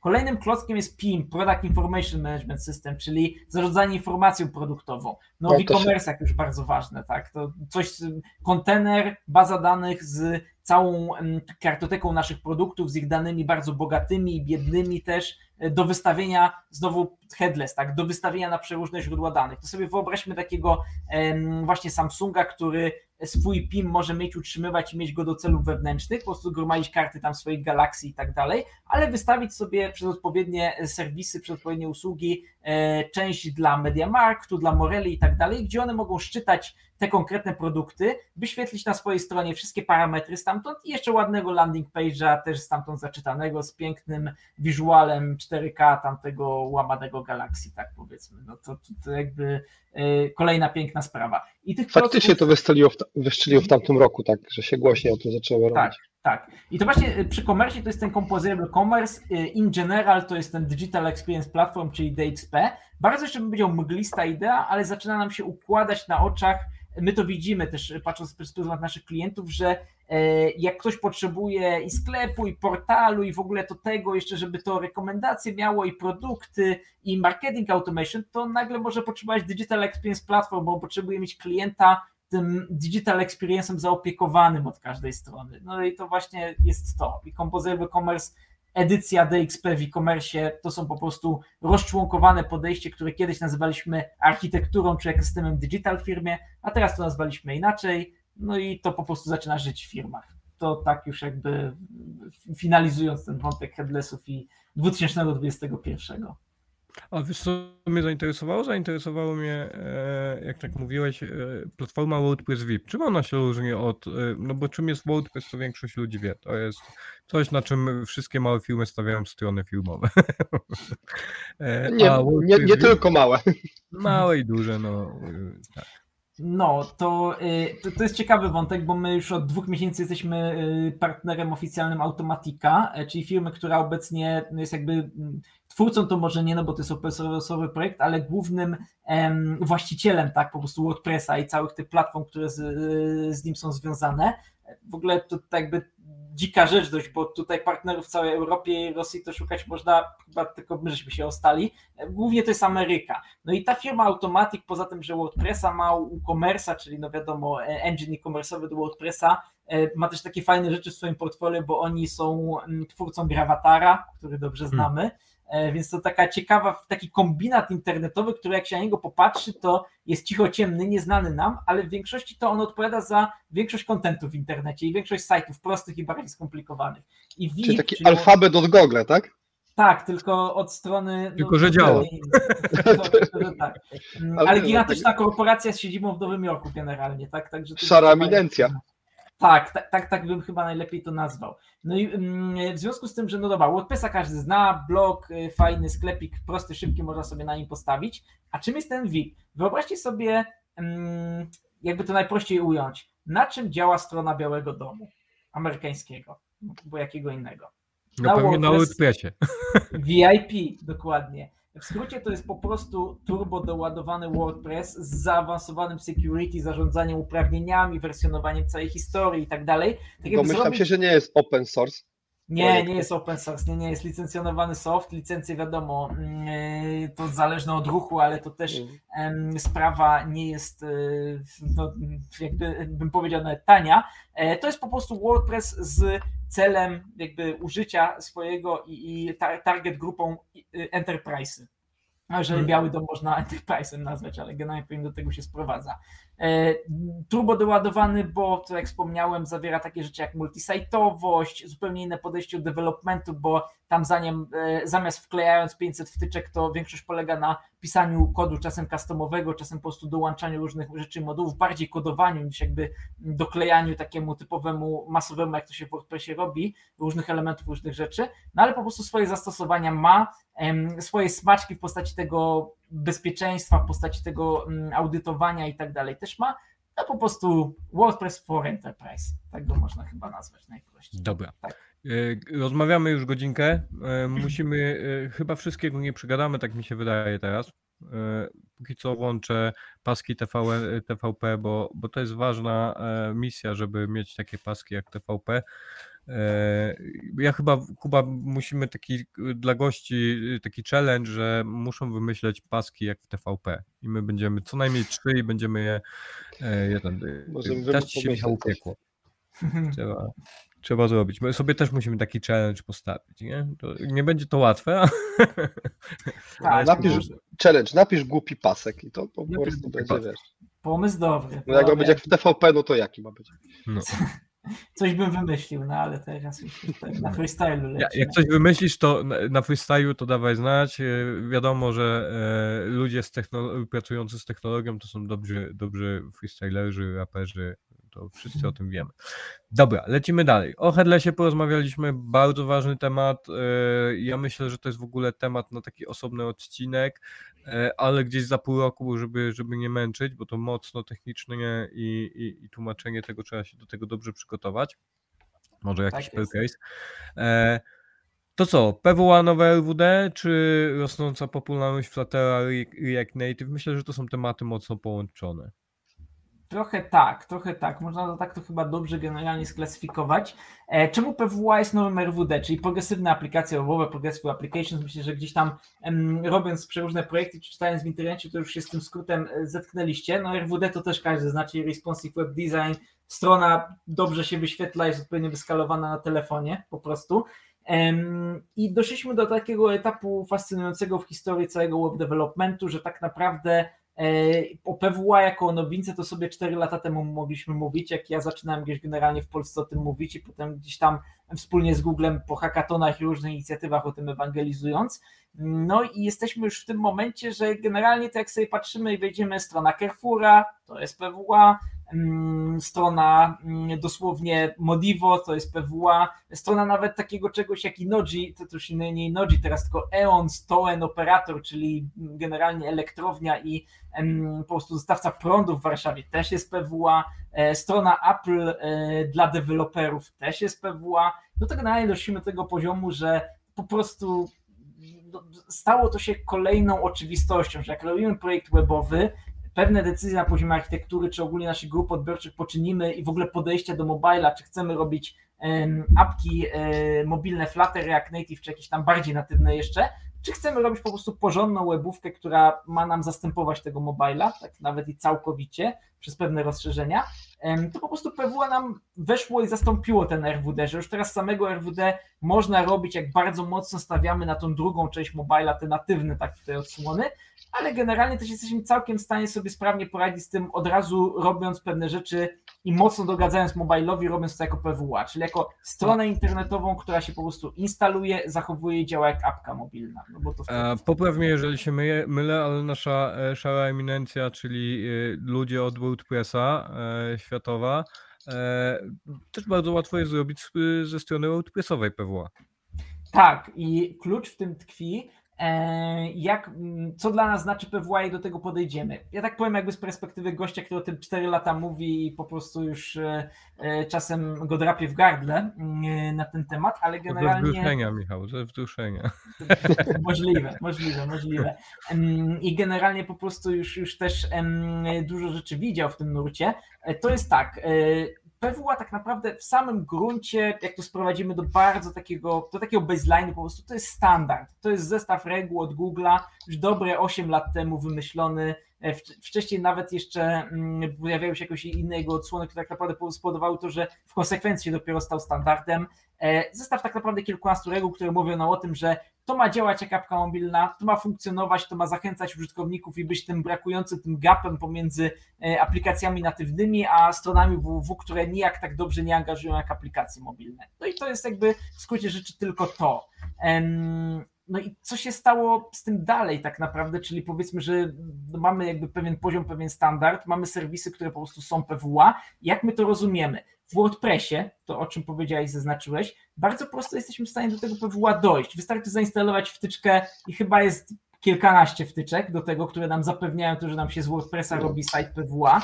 Ale uwaga, to tak samo jak w SASie i e-commerce pokroju tam iDusela, czy Shopperów, czy innych, włączyć tryb PWA, bo oni to mają, y, też się jakby uzbroili, inni lepiej, drudzy gorzej. Hitem na zeszłorocznych, czyli październikowych targach e-handlu było to, że Atom Store zrobił PWA. Tutaj mówiłem, gratulacje, po dwóch latach doszliście do poziomu jak Safari po prostu, taki poziom, tak powiem, ale może warto było czekać generalnie, no tak tak to po prostu dla niektórych się sprowadza.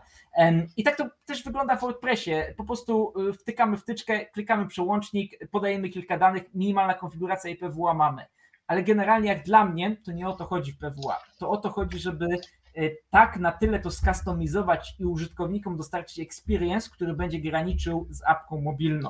a tego się nie zrobi przez załączenie jednej wtyczki na naszym sajcie, który opisuje mm, różnice powiedzmy między mm, stylem skandynawskim a stylem minimalistycznym. Tak? No to generalnie to, e, to nie, jest, nie jest to e, jakaś proteza, tak to bym nazwał, ale jak tak naprawdę chcemy to mieć porządnie zrobione, to się zabierzmy o to, za to od podstaw, tak? Od odpowiedniego skonfigurowania, określenia, jak mamy być podobni jak aplikacja, decyzji kluczowych na temat push notyfikacji przez www na urządzenia mobilne, podejścia do cache'owania, czy chcemy być lepsi w offline, czy gorsi, i jak szybciej dane przy powtarzających się wizytach dostarczać użytkownikom i tak dalej, i tak dalej, bo kluczowym elementem PWA też jest, pamiętajcie, dostęp do API-ów różnego hardware'u telefonu, czyli nagle takie smaczki, które kiedyś były zarezerwowane wyłącznie do aplikacji dedykowanych natywnych pokroju właśnie dostępu do kamery, NFC, mm, dajmy na to USB, Bluetootha i tak dalej, możliwe przez www, dzięki rozwoju, dzięki rozwojom właśnie przeglądarek pokroju Chrome, Firefox i tak dalej, i tak dalej. Jakby no to jest konkretne i solidne PWA, nie switch, który mówi nam o tym, że o, masz tu ikonkę, pojawia się banner do, do ekranu domowego i super, mogę sobie mieć 500 zakładkę na moim menusie telefonu albo na moim desktopie, która nic mi nie zmienia, a na ten site wejdę raz od ruskiego roku po prostu. That's it, tak naprawdę. Tak jest. Dobrze, no to y, przechodzimy od PWA. Wiemy, że to jest fajne, potrzebne, ale nie jest takie proste jak zainstalowanie wtyczki. No ja troszkę tutaj w fermencik chyba zadziałem, bo to dobra. Eee, rosnąca popularność Fluttera. Od razu musisz Michał wytłumaczyć, czym jest Flutter, czym jest React Native i co to jest e, aplikacja natywna i aplikacja hybrydowa w rozumieniu deweloperskim. Chyba tak, warto sobie te fundamenty na początku poruszyć, jak już mówimy takimi nazwami. Właśnie gdzieś tam się PWA, czyli progresywne aplikacje webowe wcześniej pojawiły. No to teraz mamy właśnie tutaj Fluttera i React Native, jeszcze te natywne aplikacje. Chodzi generalnie sorry, chodzi o spokój, spokój, chodzi o sposób, koniec końców spokój deweloperów i biznesu też, ale chodzi o mm, sposób wytwarzania po prostu tych aplikacji. Jak sobie wyobrazimy aplikację natywną, to to jest po prostu aplikacja jak program desktopowy, pisana w dedykowanym natywnym języku, w technologiach, które są ściśle związane z daną platformą sprzętową. Na Androida takimi językami, technologiami, tu dewelopując przez Android Studio, taki zestaw narzędzi do pisania właśnie aplikacji androidowych, to jest Java, już wcześniej, po dziś jeszcze tam wspierana i Kotlin, taki nowoczesny, fajny język mhm. programowania, który po prostu to pozwala mm, solidnie i konkretnie pisać. Na iOSie, urządzeniach Apple'owych y, mamy tutaj coś takiego jak y, wcześniej Objective-C, teraz Swift, tak, czy już taka też bardziej wyewoluowana technologia, język programowania, który tam to pozwala robić. Ja e, pamiętam to... E, dewelopera przy Diablisie, jak e, w Swiftie kodził aplikację natywną, jakie, jakich on używał, że tak powiem, mm, obrazoburczych kwitnących i złożonych e, e, epitetów, no to e, no, no fajnie to było. Powiem, było co posłuchać. Powiem jako być może nie wiem, plus tych Flutterów i Reactów Native'ów, jak pracuję z deweloperami, którzy w tym wdrażają mm, apki mobilne, to bluzgów tam nie słychać generalnie, ani kwiecistych, ani mniej kwiecistych, więc może to jest jakiś wyznacznik. Aniołki, wiesz, jest taka muzyczka i... I tęcza. Tak. To, jest ten, to jest ten spokój, o którym przez przypadek powiedziałem, bo chodzi o sposób, więc to tak, to, to jest dokładnie to. E, no i słuchajcie, i to są po prostu dedykowane, mocno związane z konkretną platformą języki, technologii, które pozwalają nam pisać aplikację, która jest piękna na tyle, na ile ją zaprojektujemy, ale może naprawdę na tej platformie zrobić wszystko. Może zrobić e, logowanie przez e, na urządzeniach Apple czy na Androidach, dotyk palca, skan twarzy, ta Face ID, Touch ID, tak tutaj wspomniane. Może zrobić, być kartą miejską naszą, być kartą płatniczą, tak. Do dostępy do to naprawdę są przeróżne ale może też być grą, taki w dość fajny, angażujący sposób działać i po prostu no, tam, no, pozwalać nam nabijać kolejne levele fragi na czymkolwiek tak naprawdę. No to jest jakby, gama jest solidna. I teraz znowu, podejście trochę przeciwstawne, ale które urodziło się na tym burzliwym froncie aplikacji webowych, które mogą być jak mobile, PWA i tych aplikacji natywnych, które główną ich e, wadą jakby i tym, czemu już tak nie robimy, czemu od tego się odchodzi, jest to, że mm, jestem solidnym, konkretnym biznesem, który chce mieć e, zrobioną apkę i chce pokryć cały rynek, no to musi to zrobić e, osobnym zespołem, kompetencjami, sprzętem, no bo Apple'owe, no to muszą być na urządzeniach Apple'a wdrożone, mm, budowane i generalnie utrzymywane. Bardzo Osobnym czasem jest, projektem. Bardzo ważny tutaj jest ten aspekt biznesowy, bo rynek się dzieli tak 20, europejski, nie? bo tam w Stanach jest trochę inaczej. Mhm. 20% e, to jest Apple, 80% to są rzeczy androidowe i tak to jest od lat i chyba bardzo, bardzo się to nie zmieni. E, Nie, nie, nie będzie się jakoś mocniej wahać. E, I wyobraźcie sobie teraz, że macie dwa zespoły, które utrzymują dwie aplikacje. Jedna, która robi 80% ruchu, druga, która go- gospodaruje 20% ruchu. Finansowo to tam może różnie się rozkładać, ale tak jest. I te zespoły, mimo tego rozkładu 80-20, biorą podobne pieniądze. Więc koszty są razy dwa. Tak, tak. Więc tutaj możemy sobie to wyobrazić, że robienie to osobnymi zespołami, osobnymi projektami, całą narzędziówką, to jest po prostu takie duplikowanie sobie kosztów, a jeszcze jak do tego dojdzie rozwój kanału www, rozwój desktopa, albo nie wiem, tam sobie wyobrazimy, że chcemy mieć e, w Huawei App Gallery jeszcze naszą aplikację, ale zrobiono tak w tym, z tymi usługami Huawei i tak dalej, no to mamy tego dużo i to rośnie lawina, a biznes kosztów nie lubi, więc coś z tym trzeba zrobić. A jak jakby się pojawia jakiś pomysł, jakaś nisza, no to od razu jest reakcja na rynku. No i po prostu z tego frontu burzowego między podejściem webowym, a tym wybitnie natywnym, które już właśnie takie wady, jak sobie wspomnieliśmy, ma, pojawiły się technologie hybrydowe. I React Native nią w pełni jest, bo on korzysta z dobrodziejstwa Reacta i tego, że to jest jednak bardziej webówka, która tylko jest w bardzo sprytny i szybki sposób przekładana na to, żeby wyglądała jak aplikacja natywna, ale React no, historycznie, e, historycznie React Native jest e, facebookowy, nie? Tak, tak, tak, jak cały React, taki to po dzień to jest produkt Facebooka, tylko na świat wypuszczony tak naprawdę. I tu niektórzy mówią, że jego główną wadą jest to, że to jakby Facebook, że to proprietary i tak dalej, że tylko e, za każdy, w każdym momencie może być halt, może być monetyzacja. Raczej nie sądzę tak w dzisiejszych czasach i w tym jakby jak to się... Myślę, że chyba każdy gigant ma taki open source'owy projekt wypuszczony i Twitter ma swojego, jakiś tam No, e, Flutter to Google boot, przecież, bootstrap, tak, więc, e, bootstrap chyba jest twitterowy, nie? Tak, tak, framework do No. interfejsu, do frontu, tak, tak tutaj to, No. to jest dosłownie coś takiego. Flutter to jest Google, Angular to jest Google, React to jest Facebook, React Native też Facebook. E, no, A to, że Angular jest googlowy, to, e, to słuchajcie, to jest niespodzianka. Tyle lat w branży i, i, i, i musiałem się dowiedzieć teraz. Ale semantycznie w kontekście kodowania Flutter od Ang- Angulara jest bardzo daleko. No tak, tak, tak. Nie, ja że tak powiem, zgeneralizowałem na frameworki webowe i tutaj też te trochę, no bo React, React Native, no one gdzieś tam ze wspólnej linii tu z Facebooka pochodzą.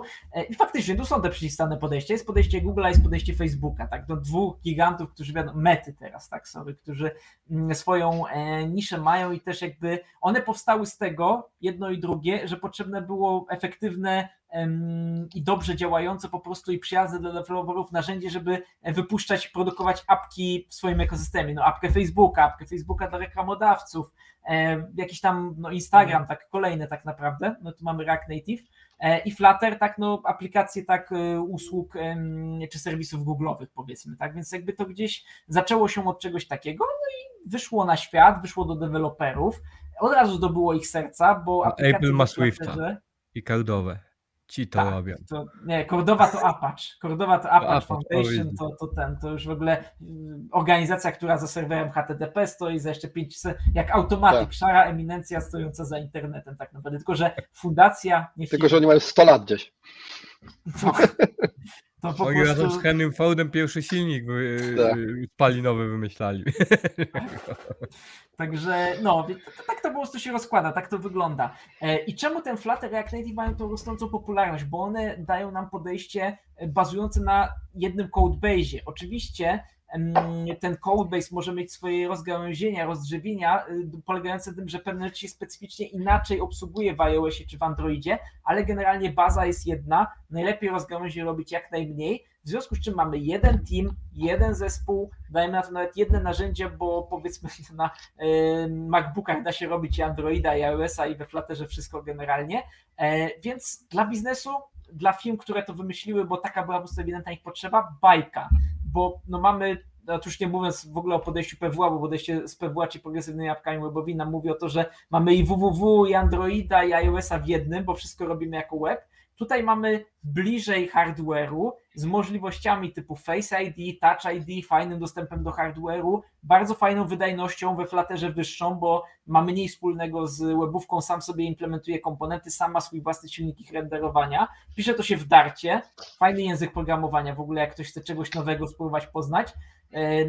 W podsumowaniach zeszłego roku od Stacka Overflow i od innych organizacji, które się tym zajmują, był wyznaczony Dart jako jeden z języków, których najwięcej programistów chce go poznać, bo jest ciekawą zajawką, trendem, czy brzmi fajnie generalnie po prostu, tak? Także warto też na to uważać. Język mm. programowania brzmi fajnie, to, to jak, tak jak Asia mówiła e, w, w Że ma hobby kanwasy, tak? Tak, że jej hobby jest robienie kanwasów. Nie? No, słuchajcie, żyjemy, żyjemy w świecie nerdów e, i, nic na... I to nie jest wstyd w końcu, nie? Być nerdem tak. No, polecam e, ankietę mm, właśnie State of the Development, dokładnie nazwę mówiąc, jak ona się zwała, tak ona się zwała, od Stack Overflow, e, sorry, co ja mówię, od jakiego stacka, od e, JetBrainsów, tak, czyli gości, którzy stoją za narzędziami, które i toolkitami, które każdy deweloper używa, od IntelliJ'a po jakiegoś WebStorma czy PHP Storma, tak naprawdę, no, mm. wiedzę o tym, czego się używa, co kto lubi, no mają dużą raczej generalnie, więc ta ankieta fajnie pokazuje trendy, spadki, wzrosty i to, co deweloperzy tak naprawdę lubią, a to od czego się odchodzi. Więc to gdzieś tam e, link też podrzucę, bo to myślę, że fajny konspekt pod tym kątem tutaj jeszcze coś takiego dodać. E, no właśnie, no to podejście i to, że te po prostu aplikacje w tym się pisze dość szybko, mamy w związku z tym szybki time to market, one są przyjazne dla deweloperów, to o czym wam mówiłem, kwiecistych epitetów czy bluzgów brak tak naprawdę. Ja widzę to na moich projektach, które mamy w mojej firmie jest płynnie, efekty są widoczne bardzo szybko. Pstryk to jest Android, drugi pstryk to jest iOS. Spoko po prostu. Tak jak miałbym e, być biznesem z budżetem zafiksowanym na X, który ma dojść szybko do mobila, ja bym się nie wahał długo z podejściem. A najlepsze jest to, że e, w momencie, kiedy biznes stwierdzi, że mamy niszę na iOSie i potrzebujemy tam wydevelopować e, sprzedawanie pietruszek, to to robi cały czas jeden zespół, nie? Tak, Czy tak. to jest jakoś Tylko wyraźnie gorsze od natywnych aplikacji? Czy to Wiesz już się co, tak zaciera granica, że nie ma sensu? W tej chwili tak już nie. Powoli? W tej, chwili to się zatarło, bo i bezpieczeństwo we Flutterze i w React Native, we Flutterze ze znanych case'ów, we Flutterze jest napisana banka, banka, to mamy nową nazwę na aplikację bankowości, banka. No, to jest słowotwórstwo radosne. We Flutterze jest napisana e, oficjalna, publiczna aplikacja ING dla biznesu. Polska tak. i generalnie jeszcze kilka krajów. Wszystkie, wszystkie platformy. Android, tak. iOS i, e, i, i, No to już o czymś świadczy.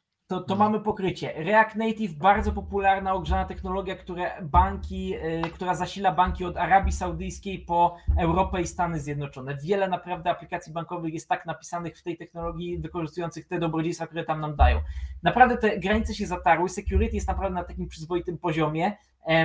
Też inne aspekty dostępu do hardware'u telefonu, ten Face ID, skanowanie, NFC, takie jakieś fajne takie bariery są, więc mhm. tutaj z tym problemów nie mamy. Ta wydajność, no nie jest to aż tyle zauważalne. Tak, racja, że jeżeli robimy grę czy coś, co mm, wizualizuje nam symulacje bardzo złożone, no to lepiej w ten C, C++ jakiś native taki pełen pójść, ale generalnie ale robimy... Trzeba pamiętać, że urządzenia są coraz mocniejsze, nie? To, tak, to też to jakby też, wzrost, tak. wzrost hardware'owy tutaj spowodował, że E, że ta wydajność nie jest takim, takim problemem. Nie? Natomiast faktem jest, że jeżeli chcesz mieć super wydajną aplikację, super lekką, super ten, no to piszę natywnie, nie? To, tak, to... tak. Czy, czy super lekką, to niekoniecznie. Aplikacje natywne też, no Facebook tak na przykład y, za dawnych czasów dobrym przykładem, 300 mega, tak, y, to, to jakby no, gra dowolna, mobilna, natywna, tak, giga czasem, tak, także no te asety, to wszystko, co tam jest, to waży. Jeszcze jeden y, ciekawy komentarz bym tu wtrącił dotyczący tych grup użytkowników i tego, jak poszczególne biznesy, bo miałem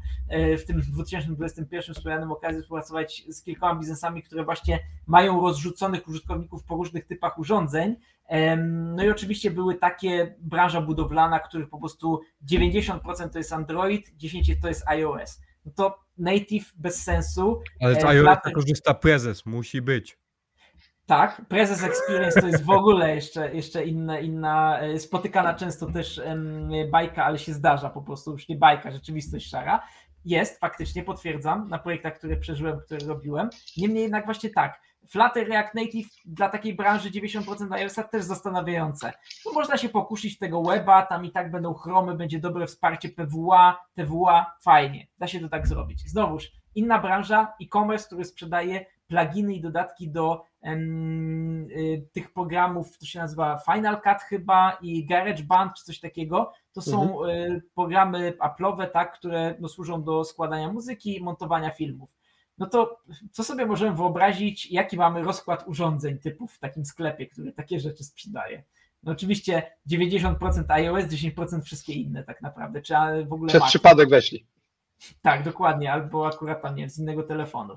No i tutaj akurat y, już decyzja jest zgoła inna, tak, no bo mamy Safari, mamy tego WebKita, które tak z rozwojem tego weba to tak średnio jak na jeża, tu pasuje, e, w związku z czym no tu już można się o jakiś y, co najmniej Flutter pokusić, może nawet Native, decyzja decyzją, każdy biznes ma inaczej, zdarzają się i takie, tu chciałem jeszcze uwypuklić, że mamy takie case'y też. Dobra. Jak już jesteśmy przy mobilkach, e, chmura będzie na sam koniec. e, I ja bym chciał poruszyć temat, który, e, który gdzieś tam jest dosyć istotny i myślę, że w kontekście mobilnego, mo- mobilnego obszaru warto go porzucić, czyli chodzi o jakość analityki mobilnej.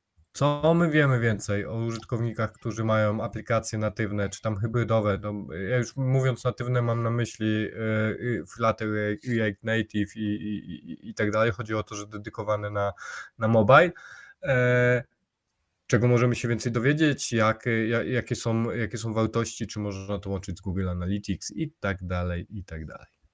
Mm, No wiecie, to się akurat ostatnio sporo pozmieniało, bo wszedł mm, ten Analytics Web plus Mobile, tak, który no, jego jakby właśnie celem jest połączenie tych różnych kanałów, które tutaj mamy, ale też od zawsze ten rynek był bardzo pofragmentowany, bo mieliśmy GA klasycznego, który był do www po prostu, mieliśmy też z innej strony jeszcze Firebase'a, który ze swoimi statystykami Mm. był bardzo pod native'a, no bardzo pod Androida oczywiście, E, Apple też swoje statystyki miał, do tego jeszcze w pewnym czasie doszedł Huawei, który też udostępniał swoje wersje analityk w, aplikacji mobil, w aplikacjach mobilnych w ich ekosystemie.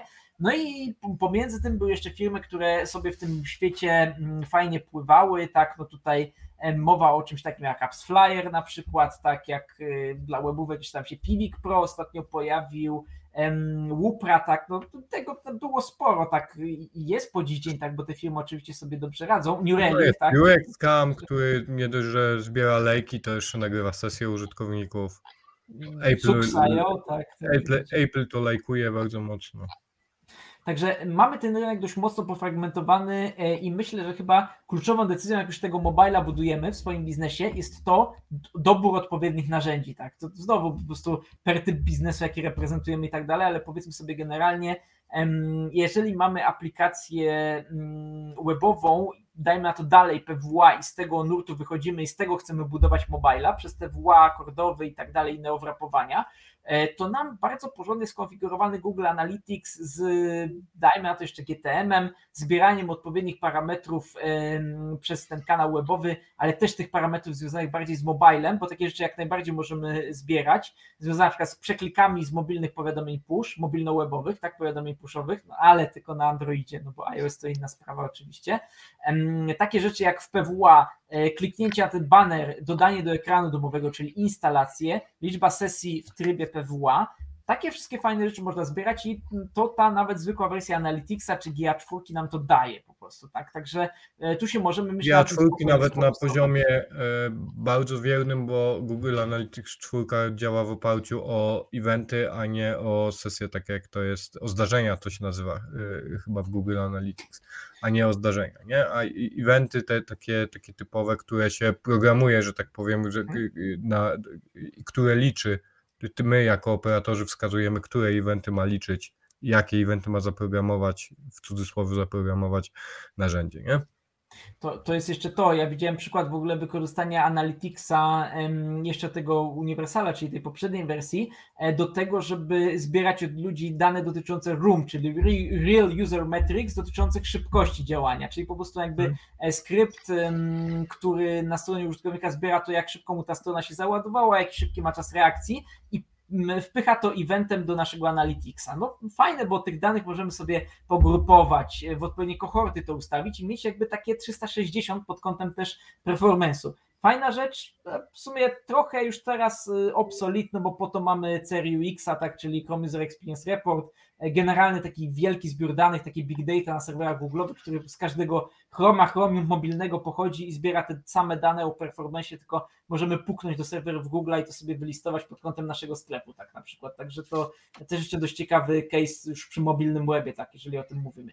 Natomiast znowuż, mm, wracając do clue, analityka mobile mamy apkę tą hybrydową, Flutter, React Native, mamy apkę natywną, no to mm, tutaj musimy mieć to podejście już bardziej udoskonalone. No i dobra, no możemy używać sobie mm, Firebase'a i analityki z, y, dookoła tego ekstremu Play Store'owego dla Androida, możemy sobie Apple'owych odpowiedników używać. Możemy też to połączyć. No Firebase'a przy Apple też można używać, nie? Tak, bo to tak. jest jedno miejsce. Znaczy, możemy... To ja może tylko jeszcze powiem króciutko e, słuchaczom, e, co jest istotne, e, jakby, może inaczej, czym się charakteryzuje aplikacja mobilna? Aplikacja mobilna charakteryzuje się cyklem życia użytkownika w tej aplikacji, czyli użytkownik przychodzi, korzysta z aplikacji i on ma swój obszar taki, jak to się ładnie mówi, kohortowy, nie? czyli po, po, po, porusza się w pewnym zbiorze i te zbiory stworzą pewne wzorce, do których on z reguły wraca. Jak tak popatrzymy po sobie, zrobimy sobie rachunek sumienia, to mamy takie rzeczy, że na przykład siedzimy na, za przeproszeniem, kiblu i, i przeglądamy e, sklep w poszukiwaniu lampy. No, Okej, okay, a że każdy z nas chodzi do toalety lub powinien chodzić minimum dwa razy dziennie, no to dwa razy dziennie sobie przegląda.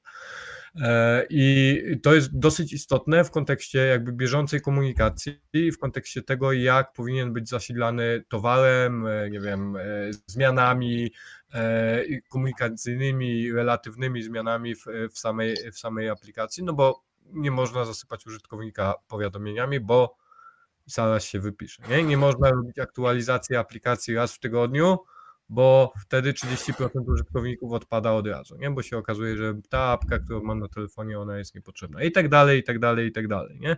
Do tego, żeby dobrze pracować z tymi wieloma, e, że tak powiem, wymiarami analityki, e, czy tam życia nawet użytkownika w tym cyklu, potrzebna jest zaawansowana analityka i oddajność.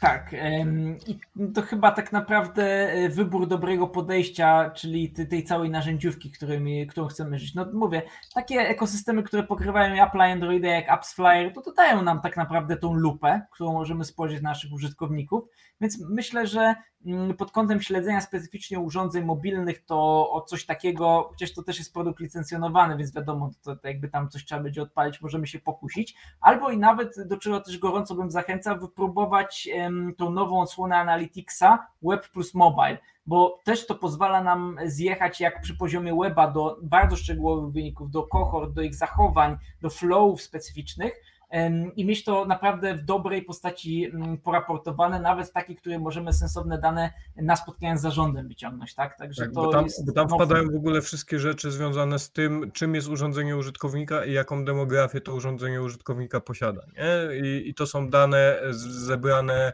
szczegółowo z różnych źródeł, bo jest z Play, e, z Play Store'a, bo tam musi być wiek, musi być e, płeć i tak dalej, i tak dalej. Użytkownicy się tam logując, logując żeby pobrać sklep, podają z reguły te rzeczy, e, więc, więc ilościowo no to, to jest super źródło.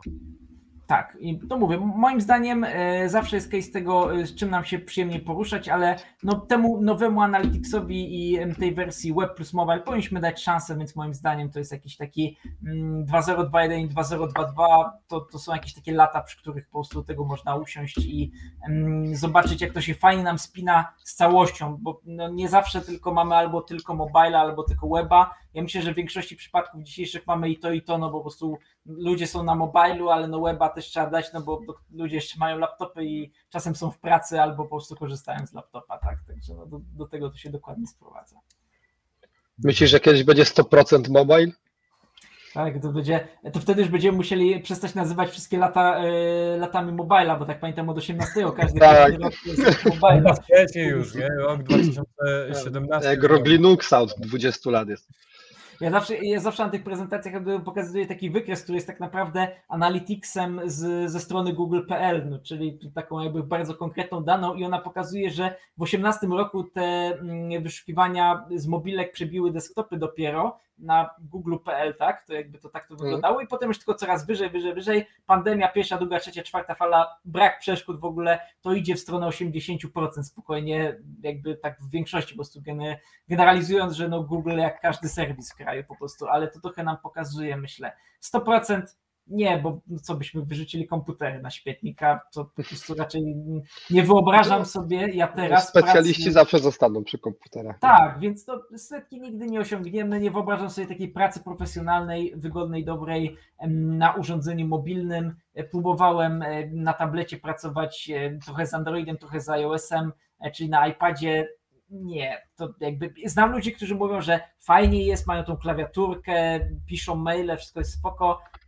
Nie, po prostu nijak. Tak? No, komputer z pełnoprawnym OS-em, pokroju Windowsa czy macOS-a, z pełnoprawnymi przeglądarkami, narzędziami, edytorami, only, tak po prostu do pracy profesjonalnej.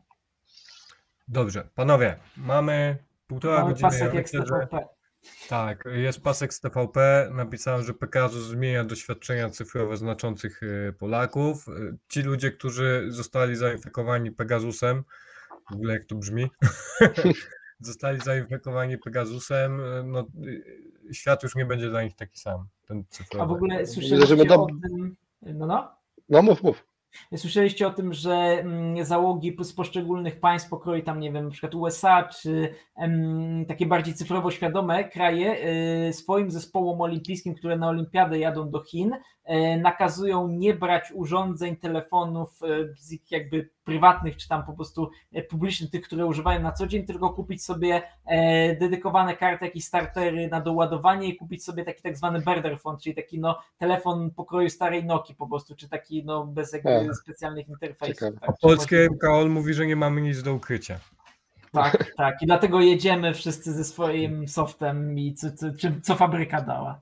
No Ej. świetne podejście. Ej, Ja chciałem tylko powiedzieć, że u nas dobre wnioski ostatnio. Ostatnio było, że koronawirus największym innowatorem, teraz, że Pegasus zmienia doświadczenia. tak. No bo, e, tak, bo e, ostatnio stwierdziliśmy, że e, innowatorem jak innowa, innowatorem, ale inkubatorem innowacji. Inkubatorem, przepraszam, tak dokładnie. Się No. inku, inkubować się inkubuje. Inkubuje już się w, trzecim, w trzeciej odsłonie, że tak powiem. Trzecia runda, mówiąc na język startupowy. No, No. no, no. A wciąż Dobrze, tak. dofinansowania nie brakuje. Panowie, mieliśmy jeszcze porozmawiać o chmurze, ale ja myślę, że rozmawiamy już półtora godziny i ten temat chmurowy to jest podejrzewam lekko pół godziny, bo tu jest o czym rozmawiać. W E, skrócie, więc- nie wszystko się nadaje na chmurę generalnie. Tak. Za dużo mamy czarowania, buzzwordów i em, różnych firm doradców, które wpychają nas, że cloud, cloud, cloud, cloud i to jest tylko jedyna droga, jakiej powinieneś myśleć.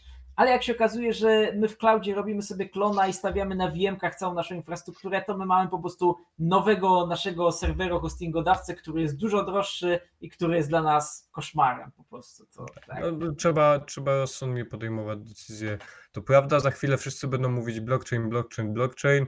E, Temat, ja myślę, że w ogóle temat chmury, temat blockchaina, Michał, to wrócimy pewnie za jakieś pół roku. tak, E, te- te- temat, temat Web3 też jest dosyć ciekawy. Ja ostatnio NFT, tak to w ogóle, panowie. NFT, No. o NFT mam takie zdanie, że e, no wolałbym nie mówić tego. W sensie w ja myślę, że wszystko przed nami dobrego, co z NFT Myślałem jest że, związane. myślałem, że twoje zdanie o NFT, NFC jest takie, że mam folder na komputerze, w którym sobie pozbierałem. Znaczy, podejrzewam, że moje zdanie na NFT będzie określone do momentu, kiedy pierwszego NFT nie sprzedam. A, tak. I to za grubą kasę. Ale tak, ale Cena czyni chodzi cuda. o miśki i, i, i różne inne tego i, i Nie, to bzdura, ale wiesz, dużo takich rzeczy się zaczyna od bzdurnych tematów, a No. później kiełkuje z tego coś dobrego, nie? Tak, to, to też tego zdania y, zdecydowanie jestem, póki co mamy jakąś taką abominację tego chyba, bo tak to można Tak. nazwać e, i celebryctwo wokół tego, no bo to do tego się Tak, sprowadza. Tak, Tak. tak, tak. Tak, to jest, e, no, to, to, to jest coś, co... Ale słuchajcie, no, część dużych interesów i biznesów się zbiło na albo nieświadomości, albo na sprzedaniu czegoś, co jest warte grosz za miliony. No, Ale właśnie... to bezwzględnie, nie? No to, e, znaczy wiecie, ja myślę ogólnie, że, blockchain, że dla blockchaina jest dużo większa misja niż, yy, niż kryptowaluty i niż NFT przede wszystkim, więc, bo, bo to jest technologia przyszłości bezpieczna i zdecentralizowana, więc w tym kierunku możemy iść. To nie, to, to jakby ideologicznie może nie być pomyśli y, dużych firm, natomiast to, to, to ewidentnie jest ten, ten temat, nie? Blockchain tak. ma sens, no PKO BP się nawet zabrało za jego wdrażanie u siebie, nie wiem jak z no. rezultatem, ale coś tam no, było. No przecież było. Y, prosta rzecz, smart kontrakty to jest y, to, to jak, jak, jak bank, jak będzie bank, który to wdroży i spopularyzuje, to to będzie hicior, nie? No, no, no, no, tylko tego czekać. Ale no, NFT i Web3, w ogóle samo pojęcie Web3, które jak zaobserwowałem ruch na Twitterze wśród znaczących ludzi, którzy e, stoją za taką organizacją, która się W3C nazywa i która definiuje standardy, co jest www, a co jest nie, to jak oni słyszą o Web3, to od razu dostają białej gorączki, mówią, że co, co to w ogóle jest po prostu, nic to z webem ale, nie ma wspólnego. Ale patrz na, na, na projektanta, no e, nazwa nie, niezbyt ten, ale dla projektanta procesowego, takiego dla systemów i dla oprogramowania, no to to jest przecież e, skarbnica. Wchodzisz tam jak do, e, do sali zabaw i możesz zdecentralizowane procesy. No, no mega, nie? Mega, no, mega tematy super, super rzeczy. Jeszcze za mało wiem, żeby się na, ten, na ten temat rzetelnie, publicznie wypowiadać. Tak, myślę, że za, dobrze za jakiś czas wrócić do tego, tak. bo będzie jeszcze sporo się wydarzy, sporo jakichś flopów na pewno będzie, sporo pożarów, także myślę, że tak. Jeszcze także, także zapowiada nam się trzecia iteracja, e, że tak powiem. E... Wie, wiecie co, tak podsumowując, myślę, że 2.022 to chciał czy nie chciał, ale to będzie Web3, NFT i te wszystkie DAO jeszcze i rozszerzenia i oby się trzymajmy tego, żeby jak najwięcej tego miało sensowny wydźwięk, czyli było związane z blockchainem, smart kontraktami i naprawdę służyło biznesom i światu też no. temu publikowemu, tak, zwłaszcza tej odsłonie, ku jakimś realnym usprawnieniom, a nie było tylko po tym, że sobie kupiłem miśka za 10 tysięcy złotych i fajnie jest. No, ja to, to głupotka jest. Otóż to i, i, i tą puentą bym zakończył, że e, część e, e, nie chcę powiedzieć, że merytorycznie, chociaż jak na nas bardzo merytorycznie było w tym, w tym odcinku, nawet tłumaczyliśmy trudne pojęcia i trudne, trudne podejścia. Michał, stały jeszcze temat, książka do polecenia. E, z ostatnich rzeczy mm, muszę Wam coś takiego polecić, bo to ostatnio mm, jestem już w połowie akurat e, i jest to całkiem ciekawą propozycją, e, opowiadająca o losach takiego typowego projektu w IT, w którym wszystko, co się dało, to mogło i, i mogło, to poszło źle. Nazywa się chyba projekt Phoenix. Teraz Wam sprawdzę, żeby powiedzieć. Tak, tak, tak. Jest to tak, dokładnie to dostępna w większości e, księgarni. E, nazywa się to Projekt Phoenix, powieść o IT, modelu DevOps i o tym, jak pomóc firmie w odniesieniu sukcesu. Bardzo szumny tytuł, ale jest ona opisana, mm, znaczy książka sama jest napisana w takiej formacie przystępnej opowieści człowieka, który z zupełnie innego stanowiska, zupełnie innej roli trafia na mm, bycie, na stanie się dyrektorem IT, który za całe IT w firmie Automoto odpowiada i musi z tym zrobić, e, ma bardzo konkretny cel, ma bardzo konkretny projekt do wdrożenia, milion historii z tym e, związanych po drodze, wszystko co się mogło wysypać się oczywiście wysypało, ale wszystko trzeba dowieść. Z życia wzięte. Dokładnie tak. Projekt Phoenix, tak początek. Gorąco polecam, gdzieś tam w połowie jestem i już polecam, więc no to, to, to tak. Dobra. Zatem e, dziękujemy serdecznie, dziękujemy Ci Michał, że poświęciłeś półtora godziny swojego czasu wieczorem. E, wypiłeś z nami herbatę, kawę, wino, czy tam co piliśmy. Ja piłem yerbę. E, ja herbatę. Co, jak się pije coś nowego, jak się ogólnie robi coś nowego, to człowiek cały czas o tym mówi. No. To tak, ja zaobserwowałem, że z yerbą jest chyba tak, że generalnie kto zaczyna pić yerbę, to zaczyna non-stop y, wszystkim ją ewangelizować i o niej mówić. Więc e, no to aż tak to nie. E, u nie, nie, to... u, ciebie, u ciebie tego nie ma, ale po innych znajomych tak to zaobserwowałem. Nawet ostatnio... To, to tak jak z wegetarianizmem, tudzież weganizmem, tak. to jest ten sam case, nie? E, Ten ku- kubeczek tak z taką śmieszną słomką, tak, tak, jak to tak nazywam, może to spłaszczam. Bombila. profes- Bombila. O, wszystko ma E, ma, profesjonalne nazwy. ma to swój urok, a gdyby nie problemy żołądkowe, to bym pewnie nie, e, nie przekonał się do, do yerby. Dobra, ja zatem jeszcze raz, Michał, dziękujemy Ci za przybicie. Myślę, że, że było fajnie. Publikacja w najbliższym czasie. No ja ze swojej strony Dzięki. Ja myślę, że pewnie cię znowu usłyszymy za jakiś czas, tak jak powtarzaliśmy, także będzie znowu fajnie. Czysta przyjemność, e, jak zawsze z Wami pogadać e, i trochę o tych trudnych terminach poobjaśniać, ale też po prostu pogadać o swoim punkcie widzenia do tych mm, szumnych e, albo mniej szumnych trendów, sytuacji czy jakichś pożarów, które mieliśmy w tym IT. No bo IT po prostu jak w sumie każda inna dziedzina, ale chyba patrząc na to, jak się świat rozwija, to tu jest najwięcej tego, tu jest największy kocioł, tak to mogę zdefiniować, więc no, warto o tym e, gadać. Kończąc sentencją, że Pegasus zmienia doświadczenia cyfrowe znaczących Polaków, kończymy również nasz odcinek DSP. Trudno się z nią nie zgodzić. Tak. Dokładnie. E, Tak. Digital Science Podcast, odcinek trzeci, kurde, tempo mamy szalone, czwarty już, Czwarty chyba, no. czwarty w tym roku, tempo szalone, co to będzie e, do, do końca roku, e, zobaczymy. Dziękujemy serdecznie e, i do usłyszenia. Do usłyszenia. Hej, cześć. Do usłyszenia.